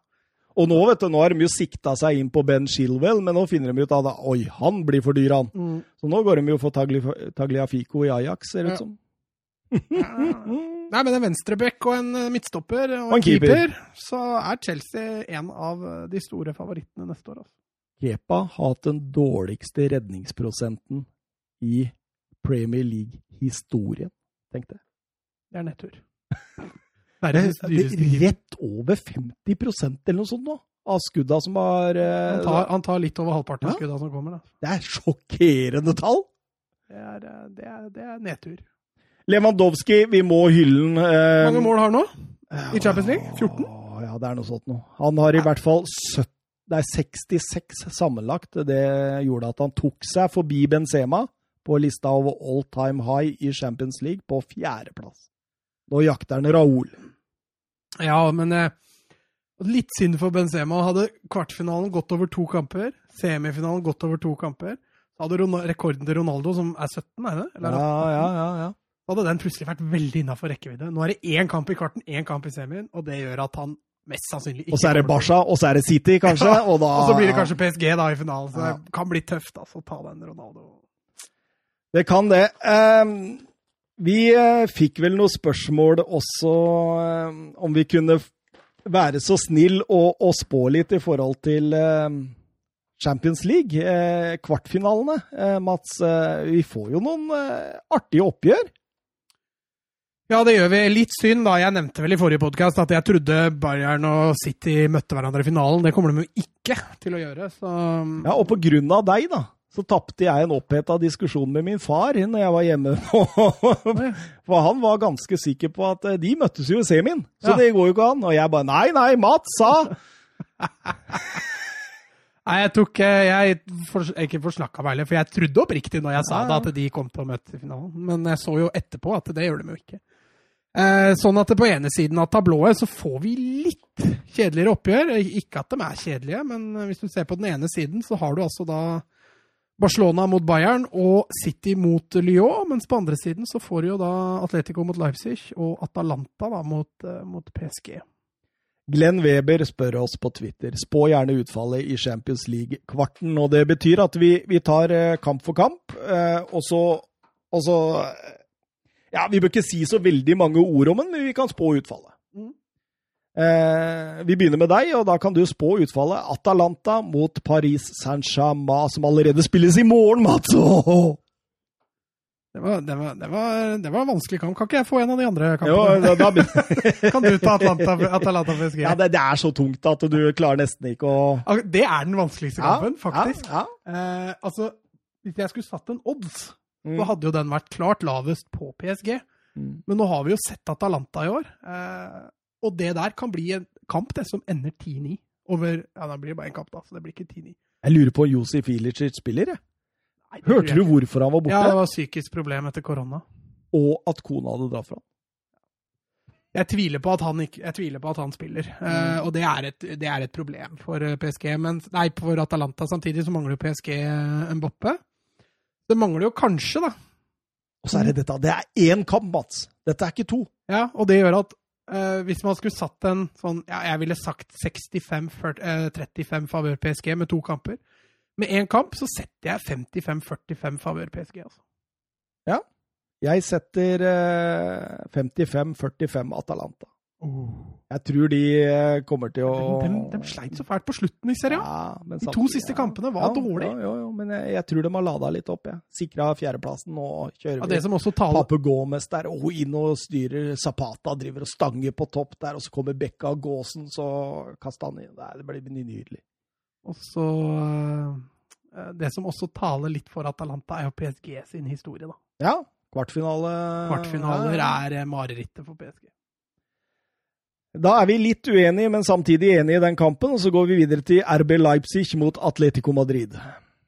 Ja, den, den føler jeg er litt lettere. Nå fikk jo Atletico Madrid en meget kjip nyhet, eh, var det vel i går, hvor to spillere testa positivt på, på covid-19. Ja, er, er det bekrefta at det var spillere? Ja. Ja. Sime Marcialco og Ah- Angel Correa. Oi! Oi. Sånn at de er sendt til hjemmekarantene og vil jo da ikke spille den kampen uansett. Eh, og så er jo spørsmålet da om noen andre har fått Mm. fått det. Er jo, I går ble jo alle sendt til test. Eh, jeg regner med vi i løpet av dagen i dag hadde fått beskjed hvis det skulle vært et lite utbrudd i Atletico-leiren, men det gjorde jo at Atletico utsatte å reise til Portugal. Eh, de skal ikke reise før i morgen. Oi. Så de har jo da fått to dager seinere å forberede seg på. Eh, det vil jo tale ganske mye imot Leipzig. Men, men, me, mens, ja, imot, ja, mens Julian Nagelsmann står på feltet nå og dirigerer. Han gjør det, riktignok uten Timo Werner. Det gjør at litt favør Atletico igjen, men også den kampen der blei plutselig mye jevnere, da. Men her, jeg, her er det vanskelig å se noen fordel på at det bare er én kamp. For den Mm. tror jeg Simione også kan dra veldig god nytte av, som Atletico, selv om Atletico i utgangspunktet kanskje er favoritter. Da. Er jo et geni i sånne kamper. Ja, ja, han er jo det. De enkeltkampene hvor Ja. du må få ut det aller, aller ypperste. Grinde ut resultatene. Uh, og Leipzig, som har nada erfaring fra kvartfinaler i Champions League, så jeg holder en knapp på Atletico der òg. Jeg eh, istemmer den. Eh, Barcelona Bayern München, Mats. Oi, oi, oi. Altså, her har jeg litt hjerte i spill, altså. så det er jo litt Jeg blir jo ikke helt habil, men eh, jeg holder faktisk jeg, jeg ser faktisk på det her som den nest klareste favoritten favør, Bayern. Altså. Jeg gjør det. Jeg sliter med å se hvordan Barcelona skal få til det her. Altså, Hadde det vært over to oppgjør, så tror jeg faktisk jeg hadde sagt noe sånt som 75-80% altså, favør Bayern. Oi, oi. I og med at det er én kamp, så gjør det at det blir litt sånn er det her Barca har en sjanse. Mm. Eh, At det blir kanskje 60-40, da, favør, ja. favør Bayern. Men eh, etter å ha sett Bayern mot Chelsea og Barcelona mot Napoli, så Altså, Barcelona må faktisk ta mye hensyn. Ja. Og det er fryktelig trist, hvis dette her skal bli en jevn kamp. Hvis Barcelona skal kjøre sin stil, uff, kan fort bli 4-5-0, altså. Det er bare Messi-magi som kan redde dem, tror jeg. Ja, Og et beingodt, beingod jobb i eget forsvar. Ja. Eh, være faktisk veldig disiplinerte. Og jeg ser jo at de spekulerer i Barcelona med å spille med en firer på midten, og så Oi. la Suárez og Messi eh, Ja. og så Vidal inn på midten. Er litt imot dine prinsipper, eller? Altså, jeg heier jo mye på Barcelona pga. spillestilen. Ja. Og jeg, nå er jeg såpass glad i Barcelona at jeg heier jo på dem for det, selv om Ja. de spiller ræva. Men eh, det å se at de går så langt vekk ifra da, sitt DNA og sin filosofi, det, det er selvfølgelig kjempetrist. Så lenge man får resultater, så kan man gå på akkord med egen eh, Hva er ordet jeg skal ut etter? Egen... Identitet. Mm. Manchester City Ja, jeg er helt enig. Eh, Bayern München. Jeg tror de Altså, det er bare Jeg ser bare Messi-magi og litt sånn Og så må de ha marginer. Ja. Det er så kjedelig å gå til en kamp og veit at Ja. du må ha marginene for å En ting er når du heier på Lillestrøm. da veit du at du er avhengig av marginer. Men når du heier på Barcelona, da er det kjipt å vite at du trenger marginer for å vinne. Altså. Manchester City-Lyon. Nei, Det er vel kanskje den klareste favoritten. Uh, City, der er, eh, der er det 80-85 favør City. Altså. Det er kanskje den kampen hvor du tenker at her er det ikke noe tvil. Nei, det er ikke kjangs. Nei, jeg tror ikke det. Jeg tror ikke det. City eh, videre. Så da, da, da ser vi jo for oss eh, semifinaler, da, muligens med ja, Atalanta eller PSG, var vi ikke helt enige, men eh, en av de to mot eh, Atletico Madrid, og så ser vi Bayern München, Manchester City, og det, det blir tight. Det blir tight. Ja, jeg sa jo til deg før sendinga at jeg tror vinneren eh, spiller den semifinalen, faktisk. Uavhengig faktisk om det blir Barcelona eller Bayern München. Ja. Hvis Barcelona skulle greie å ta Bayern, så, må de, så stopper de jo i City. Men, men eh, hvis, hvis Barcelona slår ut eh, Bayern, så tror jeg City vinner. Hvis Bayern slår ut Barcelona, da er det vinneren av Bayern City som vinner. Åh, årets lag i Serie A, Mats. Jeg regner med du har sittet og knøvla og jobba med dette? Ja, jeg har faktisk ikke bestemt meg på enkelte plasser, så du, du har en liten edge til å få inn de du vil her, altså. Å, det er faktisk ganske deilig, fordi jeg satt og kløna og styrte for å få opp den beste 4-4-2 her, og jeg, jeg føler jeg har fått inn både litt eh, personlig favoritt, litt sånn der å, han må inn fordi han er såpass god. Jeg har fått inn litt sånn, ja, noen jokere. Det er litt gøy. Vi kan begynne på keeperplass. Um, Hvem var dine alternativer? Nei, altså, jeg, jeg satt jo først med, med Stenchny og Donnarumma og Strakosja og sånn, og så gikk jeg litt inn på stats. Veit du hvem som har flest nuller i serien? Mm, nei? Det er Musso Ja. i Udinese. Mm. Han er den som har holdt nullen flest ganger i, i Serie A, så jeg måtte jo titte litt. Eh, Jeg ble ikke sånn kjempeimponert. Eh, Han holder jo mye nullen i de kampene hvor Udinese bør vinne, selvfølgelig. Argentinsk. Ja, stemmer. Mm. Eh, Og så var det denne Joronen, Mm. eh, som jeg lot meg imponere. Han spiller altså for Brescia, som rykker ned med god margin. Men det er jo ikke i nærheten. Han er jo ikke i nærheten, men allikevel, han har Ja. hatt en bra sesong. Eh, Jeg lander på Donnarumma. Det gjør jeg også. Mm. Eh, Jeg syns Donnarumma han har eh, tolv clean sheets. Han har redda fire av åtte straffespark. Jeg syns han er helt strålende. Mm. Hatt en god sesong. Eh, Stenchny en god nummer to, for min del. Da ringer vi rundt Donnarumma, og så går vi til høyrebekken vår. Ja, Høyrebekken, det er kanskje den plassen hvor Ja, du kan få lov, faktisk få lov å begynne, for jeg, det er den plassen hvor jeg er litt åpen om å Ja, jeg har jo hatt min egen lille personlige favoritt på den der ah, plassen der. Da. Jeg har eh, åh, Jeg har alltid likt den. Eh, også fra Lazio-tida, og da snakker jeg selvfølgelig om Antonio Candreva. Syns han har hatt en god sesong på wingbekken til, eh, til Altså, jeg, jeg har den i poolen min, jeg òg. Eh, selvfølgelig som høyre wingback, da. Eh, men dytter den jo ned på bekken, Ja. det var det jeg også gjorde. Men han, han dabba litt av. Han fikk Ja. ikke spille så mye heller på slutten. altså Victor Moses kom inn der. Ja, jo da, men han har, han har 32 kamper i år, så han har spilt nok. Mm. Eh, de andre jeg har vurdert, er Hans Hatebor på Atalanta. Eh, meget bra. Eh, Codrado syns jeg har gjort en god jobb for Juventus. Og så Conti.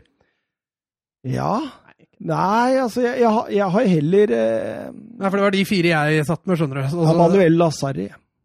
Ja, stemmer. Men eh, jeg vil gå for Kandreva. Eh, mest på, med tanke på hva han gjorde før, altså, før jul og den tida der, så var han jo outstanding. Altså, jeg landa jo på Hattepor, men jeg er veldig åpen for Kandreva. Ja, men vi kjører Kandreva. Det syns jeg er gøy. Candreva fortjener det. Han eh, begynner å trekke på åra, og dette kan være en av de siste sjansene han har i denne kirkegården. Vi går til venstrebekken. Den var vanskelig. Den var hakket vanskeligere, og der er det mange. Eh, Theo Hernandez, som er en liten favoritt der, som jeg har veldig lyst til å få inn. Og så sitter du da og Robin Gaasens eh, Det var jo til slutt de det landa på. altså Du har Alexandro, Mario Rui, til og med Ashley Young, eh, Kolarov. altså Det er mange, mange å ta der. Men Darko Lasovic fortjener en liten uh, en nevning, en liten shout-out. Men eh, hvem er det du faller på? Nei, jeg, Litt kjipt. Jeg har lyst til å falle på Theo Hernandez, men, eh, men jeg faller altså på Robin uh, Gaasens. Den tysk-nederlandske som fortsatt ikke har en eneste landskap for noen av dem. Det er et Tøft valg. Er det? Jeg, eh, jeg har ikke falt på noen ennå. Så da, siden du ga meg Candreva, så gir jeg deg Gåsen. Så Ja, da, jeg, jeg, tror jeg er nærmere Hernandez egentlig, skjønner du! men da er jeg enig. Vi går for Hernandez!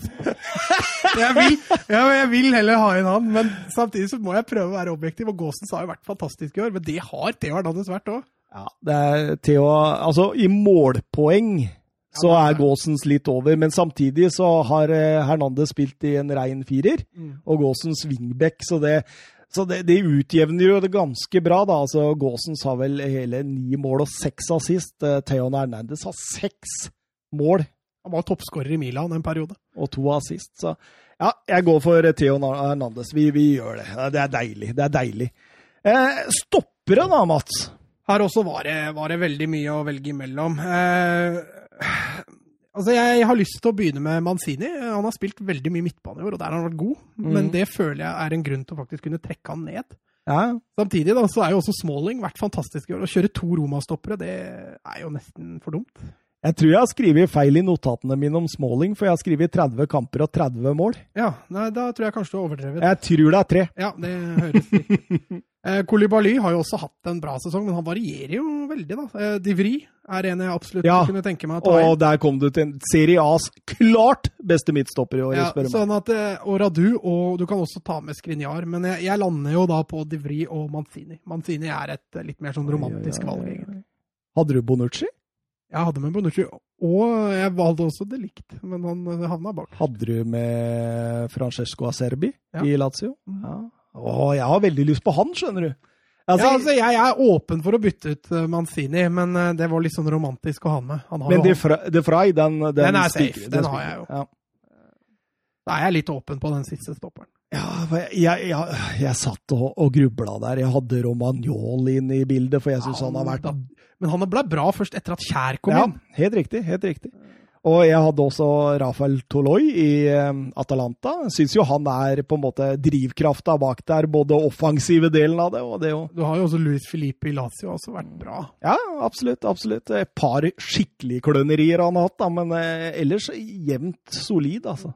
Ja, og så Radu, da, som jeg nevnte. Eh, men, å men, men du sier Manzini, jeg sier eh, enten Bonucci eller Aserbia. Ja, da går jeg heller for Aserbia. Skal vi, skal, men, men får jeg William i for Aserbia? Jeg syns han har vært strålende i Lazio. Altså. Ja, ja, ja, jeg, jeg bøyer meg på den. Oi, Jeg, men det er, det er fordi det er så, tett. det er så tett. Mm. Uh, pluss at Manzini har jo spilt en del midtbane i år. Han har jo ikke spilt så mye stopper heller. Ja, høyre kant, Mats. Jeg har bare satt opp kanter, jeg. Ja, Jeg har ikke satt opp um, høyre eller venstre. for det Nei. kan jo... Men, jeg har ikke så voldsomt mange kanter, fordi der kommer Wingbekka inn igjen, og så jeg Ja, ja. skiver litt og ordna litt. Ja, jeg også, altså Kulusevski, Mm. og så har jeg tatt med seg Njolo. Jeg veit han var skada lenge, men eh, for en sesong han har hatt som skada. Jeg har ikke han Sjoglo- Musa Barrow? Ah, Har jeg tatt med? Bonaventura? er ikke han mest spiss, da. Ja, Ja, ja, ja. jeg dytta han ned på Ja. Eh, Rodrigo de Paul, Mm. kanskje Udineses klart beste spiller i år. Eh, Insigne. Eh, Papa Gomez. Papu Gomez. Papa Gomez. Papa Gomez. Papa Gomez. Eh, Berardi, Pellegrini, og så har jeg også dytta Dybala Men kan vi ikke ned på kant. For Ja, å prøve å få plass til. Ja, for jeg har veldig lyst til å ha inn Dybala, Mm. men derfor skjøv jeg Ronaldo ned på venstre kant. For å spille Dybala spiss. Ja. Så de som litt sånn hengende rundt. Ja, nei, men da, det er jeg enig i. Men da, jeg har Ronaldo spiss, nemlig. Ja, ok. Men, men, men, men hvis vi setter øh, Hvis vi setter Ronaldo på venstre kant, for det, det, det, det kjenner han til, det kan han. Da ofrer du Papu Gomez, da. Ja, Men han kan spille høyrekant også. Han spiller jo venstrekant. Ja, han er mest, mest for all del, men han er jo en vandrer. Da hadde jeg lyst til å ha en Kulusevski. Ja, men, det har jeg jo. men han var jo først og fremst veldig god på, nei, på høstsesongen. Da. 36 kamper, 10 mål, 8 assist. Juven og unge svensk-makedonieren. Han også var det vel en av oss som hadde Ja, det var vel deg, det. Snikskryt. Ja, Snikskryt ute og går her. Ja, jeg, jeg vil seile Kulisevskij. Ja, Ante Rebic også vurderte jeg. Han var Ja. veldig god ja, ja, etter. Ja. etter covid. Mm. Uh, også Lorenzo Pellegrini, faktisk. Jeremy Boga det er, det Ja, Boga òg har jeg. Uh, nei Men- da, men jeg er med på Kulisevskij. Åh. For det var han jeg hadde. Ja. Og hvis vi da dytter Dybala For Dybala var egentlig den andre. Jeg har lyst til å ha han opp på spiss. jeg. Hvis vi dytter Dybala opp, da, så er, jeg- er jeg med på den. Deilig. Kulisevskij og Ronaldo. Det er deilig. deilig. Sentral midt, da. Åh, Den er vrien, men eh, jeg lander på to Lazio-spillere. Oi!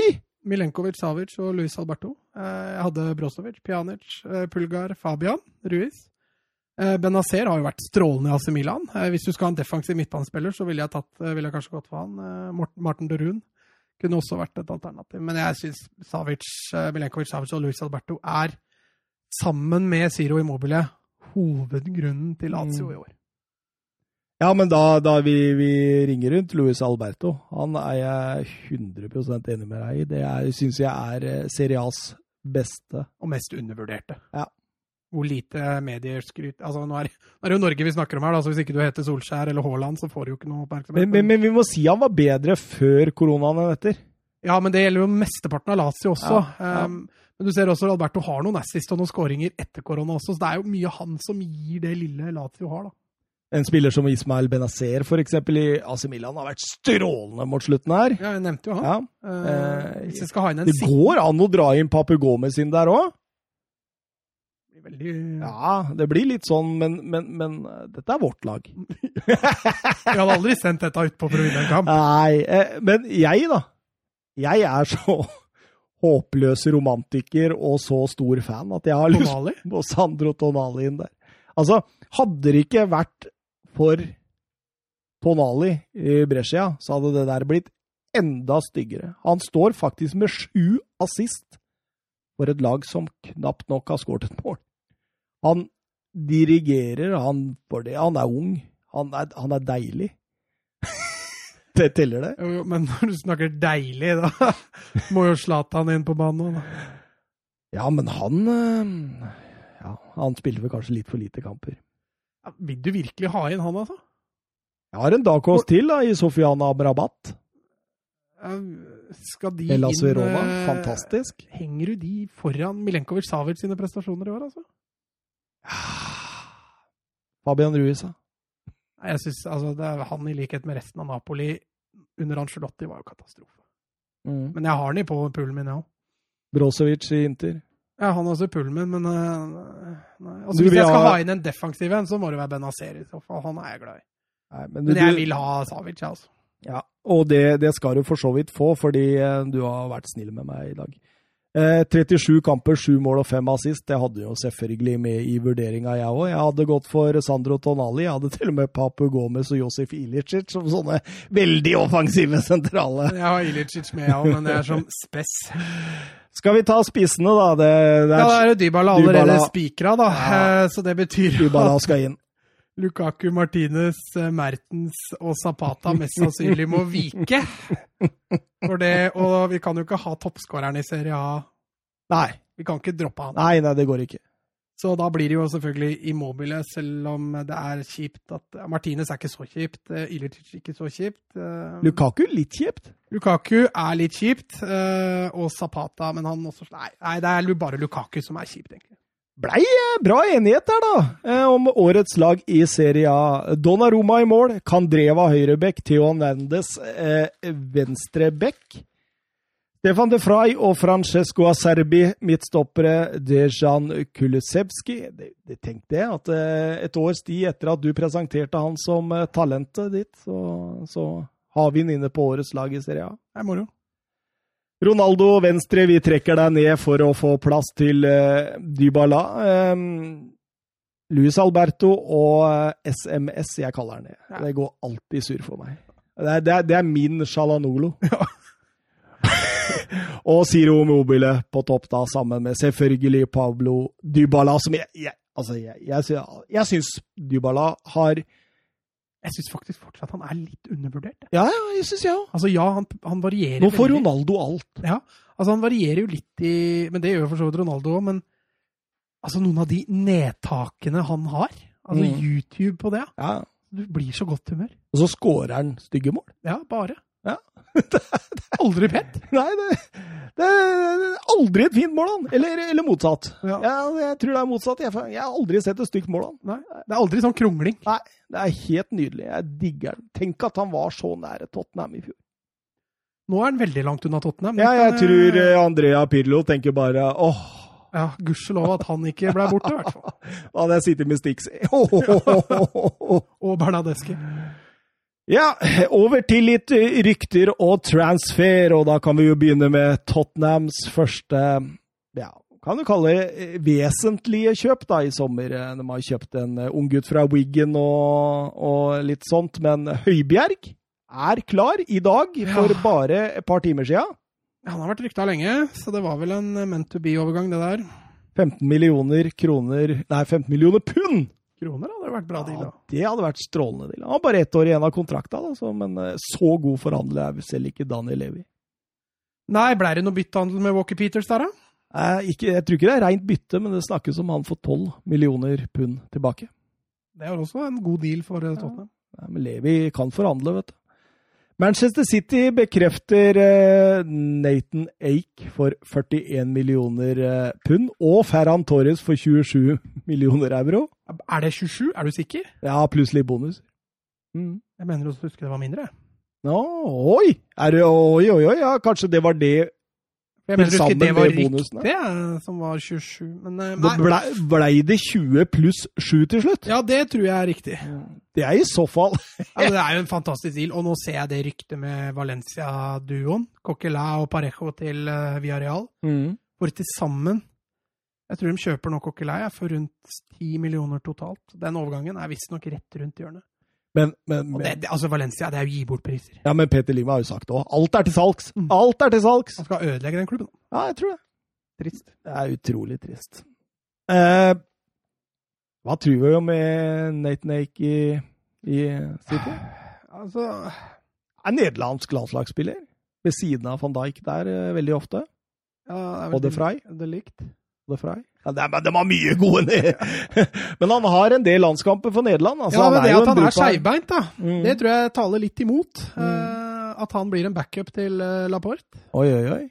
Men det avhenger av at de ikke får inn noen på høyresida. For jeg tror verken Fernandinho eller Otamendi er gode nok til å danke den ut. Og, De selger Otamendi til spotprisen, og Newcastle har ja. sagt ifra at vi kan godt han. Eh, og hvis de selger Garcia, da, så kan det jo hende det er duka for to skjærbeinte stoppere. Og det tror jeg ikke Guardiola har operert med før. Nei, for eh, Erik Garcia, han eh, sorry Guardiola, var- nesten litt oppgitt når han sto og sa at nei, han skriver ikke ny kontrakt, han vil spille et annet sted. Mm. Barcelona, det høres jo sånn ut. Ja, altså, Han har ett år igjen av kontrakta si. Barcelona eier jo foreløpig ikke ei krone, så det betyr at de må selge for å, for å få han inn. Og... Men det hadde vært litt romantisk å få han tilbake igjen. ja. Han er vel også et talent jeg har eh, Det er prisen som avgjør nå. Jeg tror de, ligger de rigger rundt eh, 10 millioner euro fra hverandre, ifølge rapportene. Mm. Så Men City det virka ikke som de var veldig Altså, OK, da får de bli et år, da, hvis de ikke betaler det vi vil ha. Det har blitt litt sånn nå! City, da, som har så mye penger. Altså, Ti millioner her, for dem spiller jo ingen rolle om han går Ja, gratis. jeg tror det er litt vondt, for jeg tror de ville beholde den. Jeg tror de ville satse litt på den, og at de skjønner at de må slippe den. Mm. Ja, det er jo Men det er litt annet aspekt av det igjen, da. Så er det bekrefta spiller til Liverpool i dag. Ja, venstreback. Kostas eh, Sinikas fra Olympiakos. Eh, 175 millioner kroner meldte TV 2. Eh, måtte jo inn og kikke på den direkte, for jeg må jo bare si det at jeg har ikke stålkontroll på Olympiakos og, og greske bekker med tre landskamper. Nei, han var et relativt ubeskrevet blad. Men så ser jeg det at eh, eh, Altså, hvor mange videoer så jeg? To? Og så Ah! Det er Andrew, Robertson, jo! De har funnet back- de har funnet backupen sin. Backupen sin, det, eller avlasteren, Mm. vil jeg kalle den. Eh, ikke veldig ulik Robertsen i spillestilen. Offensiv type, gode innlegg. Eh, ja. Ser bra Ja, ut. nå er vel Omar ferdig òg i Olympiakos. Det blir spennende å se hva han eh, dender. Kanskje i Liverpool, da, som erstatteren til eh... Mm. Det har vært bra. Det har vært bra. Kjempesignering. Bare Neko Williams, du er ikke noe mer, du, for nå skal vi ha inn Vi må ha inn en nordmann. Mm, ja, Ben White. Sensasjonen i Leeds uh, sist sesong. Eh, egentlig eid av Brighton, eh, men ser ingen framtid der og, og vil bort. eh, nekter ny kontrakt. Liverpool, Leicester, Chelsea, Tottenham og Leeds vil alle ha han. Eh, Brighton har allerede avslått 26 millioner pund. De sier de skal ha 32 millioner pund for den unge engelskmannen. Sett noen kamper med Leeds i fjor.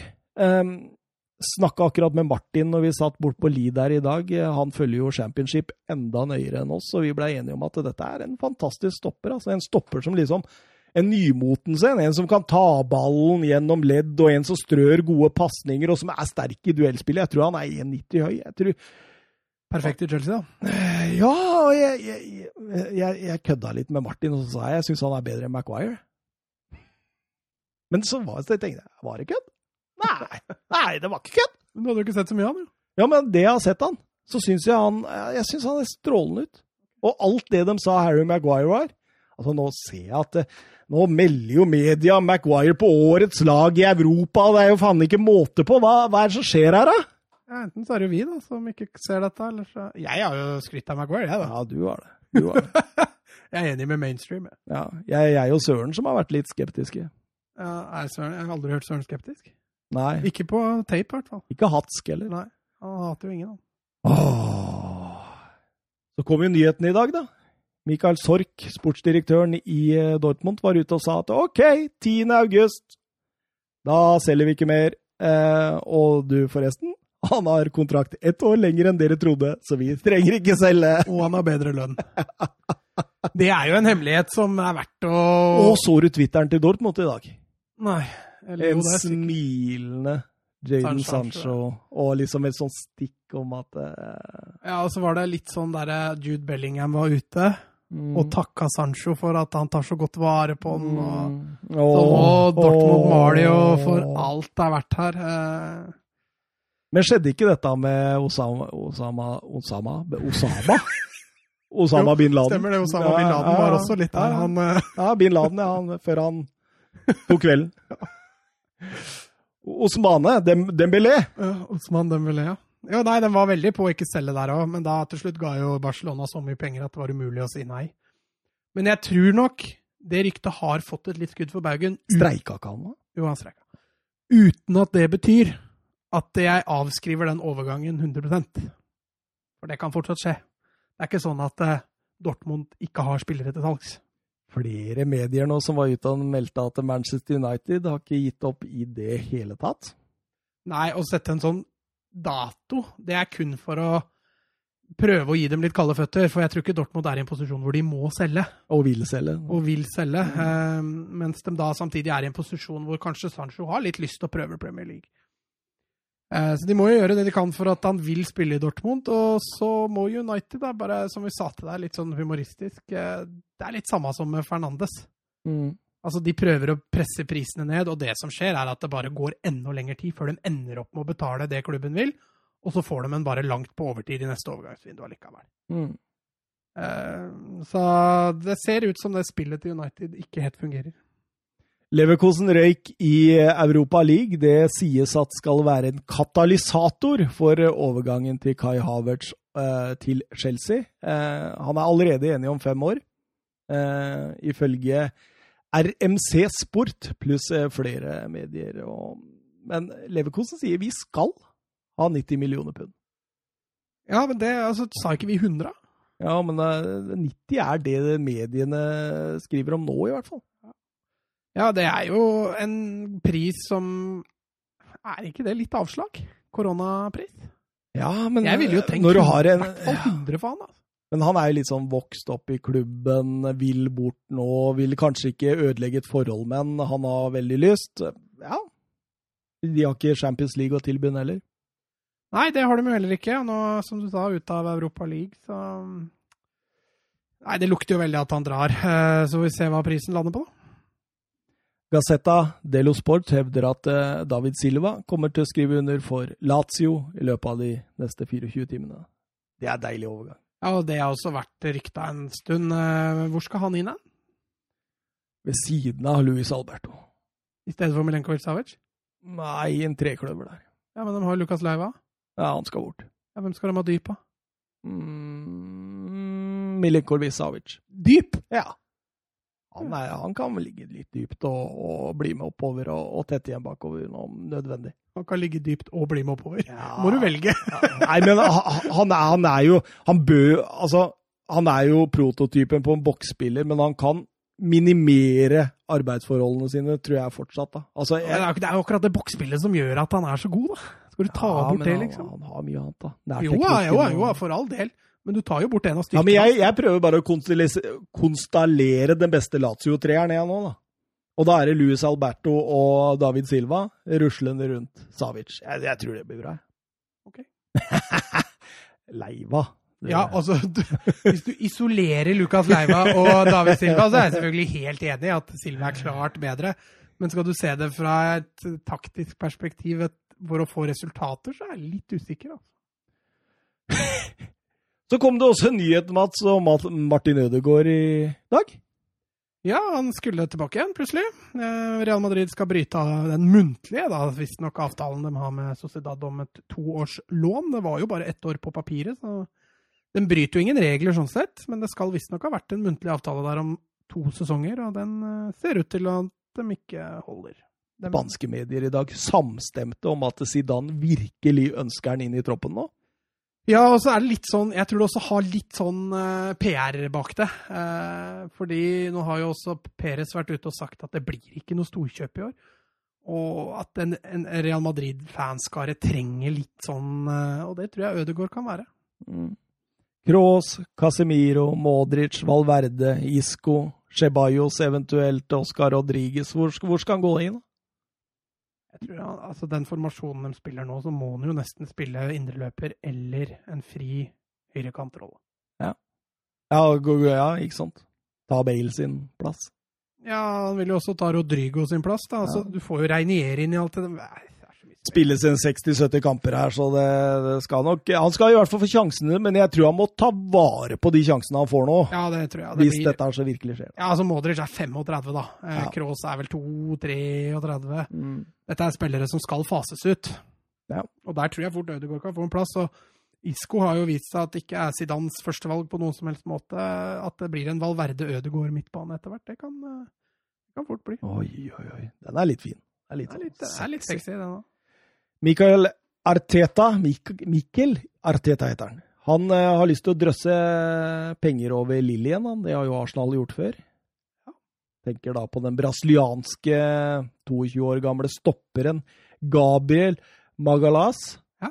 Mm, storvokst, eh, kompromissløs, eh, taktisk en del å gå på. Um, jeg tenker jo at det er et enormt talent, at han er et sånn råprodukt av hva som kan bli etter hvert en, en slags varan. Er det lov å si det? Ja, han har jo fysiske forutsetninger for å bli en meget eh, bra stopper. Og så blir det jo spennende å se. Jeg har ikke sett så mye av han, da, så det er ikke så lett å bedømme det ferdighetsmessige og sånne ting. Men uh, du kan jo i hvert fall ikke gjøre det så mye dårligere da, enn de som er der nå. Jeg tror han blir dyr, altså. Og så har de jo Saliba òg. Mm. Som, eh, jeg veit ikke hva som skjer der, men hvis han også er på vei inn Hvem var det de leide Mavropanos? Var det han de leide ut nå til Ja. Stuttgart? Stemmer, stemmer. Eh, så de har jo en åpen stoppeplass ledig. Oi, oi, oi. De trenger jo stoppere òg, som en eh, Saliba og Magalas. Det mm, Ja, ja. det- Med David Louis i midten. Verdensstjerna. Ja, Det er spennende. Martin, eh, som var gjest her i forrige episode, han likte David Ja. Louis. Men det var på coolness. Ja, han, var, han var kul. Han var kul. Han var kul. Diego Carlos og Schulz Kunde blir begge heftig rykta bort fra Sevilla. Liverpool ønsker seg Diego Carlos, men må betale utkjøp på 68 millioner euro, mens Real Madrid ser for seg Condé som arvtaker på sikt til Ramos. Ja, det siste der tror jeg ikke skjer. Uh... Ikke først heller. Nei, eh, nei ja, det kan jo Hvis Liverpool virkelig trenger en stopper, så tror jeg, jeg Det, vært- det ryktet har vært så lenge. Ja, men 68 millioner euro, det, det, hva var det de sa nei til på, på han godeste Leipzig-kanten, Werner? Ja, da sa jo Klopp det at vi kan ikke gjøre det nå.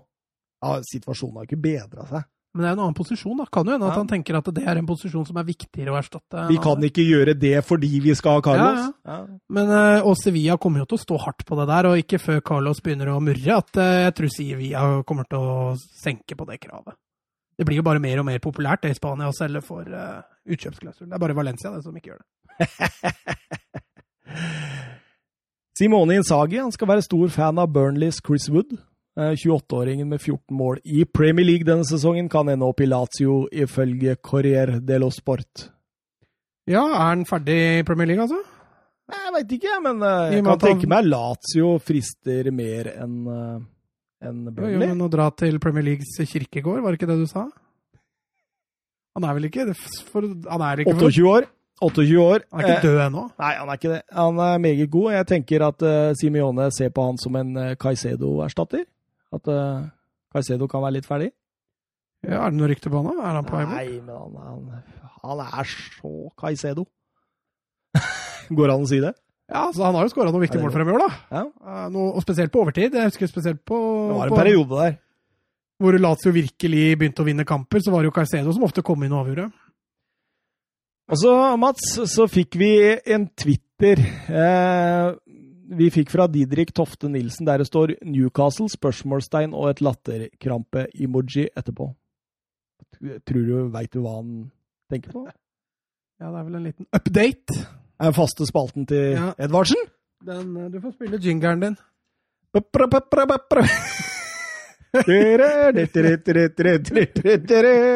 Newcastle update. Presented by Thomas Edwardson. 100 000 signaturer har gått i FA med rasende Newcastle-fans som mener at de blir forskjellsbehandla i forhold til Manchester City og sånt, og at de skjønner ikke hvorfor ikke dette kjøpet skal gå igjennom. Så får vi se om litt FA-press hjelper på, i hvert fall ganske godt hylla av Amanda Stavely, som eh, Hun var jo forrige uke også inne på at Newcastle-fansen nå kan dere få lov å protestere. Så det megger opp litt, så får vi se. Newcastle uh, er inne i en preseason nå med utrolig lavt uh, budsjett. Ifølge jeg hørte det var nære Jeff Henriks nå, gratis fra Burnley. Og det er vel der det ligger. Kanskje Notamendi, jeg veit ikke. Men det går fortsatt litt Det surrer litt rykter om denne mm, Henry Mauris, da. denne Maurice heter han vel kanskje. Han er en TV-produsent, som jeg forklarte om i forrige episode, eh, som, eh, som, ser litt opp til The Fenway Group og Liverpool sin måte å gjøre det på. Da, så, og, og, vi prøver å blåkopiere den med Newcastle. Det er jo det han har hatt i tankene og sånt. Og, noen små rykter går det der, men eh, jeg står fortsatt på at det er Mike Ashley og Steve Bruce som leder showet. Med dirigenter. Så du King var linka til PSG, eller? Har vi ja, det så jeg. Uh, det, der er det jo my veldig mye rykter, da. Ja. Halve Premier League skal ha han. Ti lag?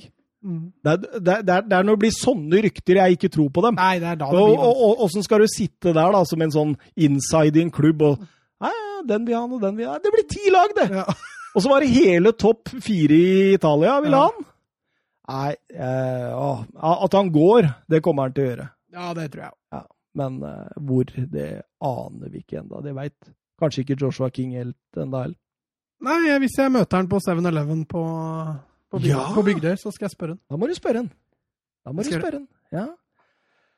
Da var vi faktisk eh, veis ende. Ja. Det blei jo, ble jo Blei det to timer? Nei, vi har ikke runda. Men vi er jæklig nære! Er det snakk om sekunder, liksom? Nei, det er snakk om minutter. Vi er på 1.55,26. Ja, det er null, ja. ja men det er under, vi, vi, er godt under to timer nå. Ja, og så blir det jo litt hyppigere podcaster nå, som vi må følge ja, vi, opp. Vi, eh, League. vi drev allerede og, og snakka om det nå, når vi skal rekke den neste. Ja. Og for den må vi jo rekke. For nå begynner jo sluttspillet neste ti Nei, semifinalen er på tirsdag. Ja, ja, for vi, nå, ja, ja. nå, i morgen begynner jo kvartfinalene. Ja. Og da har jo vi lyst til å spille av en pod sånn rett etter kvartfinale. siste kvartfinale en eller annen gang. Stemmer. Med eller uten Søren, det veit jeg ikke. Jeg vet ikke, han, han, henger i en hengemyr oppe i Bardufoss og, og, og, drikker cola og ser på breddekamper, eller hva han gjør. Eller finner seg en løkke eller noe sånt hvor han ser Er denne på appen min, da?! Ja, fin. Ja, fin. Ja, vi prøver. Vi prøver i hvert fall å få det til. Det, det, det, ja, vi må det. Vi må det. Uansett uh, om det blir en time, at vi går gjennom kampene. Vi, vi blir det Barca Bayern som hovedkamp, eller? Ja, gjør ikke det? Nei Vi må vel nesten det. Vi må vel nesten Det er vel den største. Det er nesten det, altså. Ja. Den er jeg klar for semifinalen, altså vinneren der Nå skal vi plukke fra hverandre hva som gikk galt for Barcelona. Det blir kjempedeilig å se det 4-0-tapet en gang til. Det blir vanvittig deilig. Det er det som er dritt når du taper hovedkampen, at du får den der Du må liksom helst se den to ganger. Åh. Nei, Mats, det var hyggelig. Vi klarte oss bare, vi også, selv om vi savner Søren. Ehm. Ja, vi overlevde igjen, vi. Vi gjør det. Tror, okay. det, ble, tror det ble en bra episode. Jeg håper det. Åh. Ha det bra! Adjø.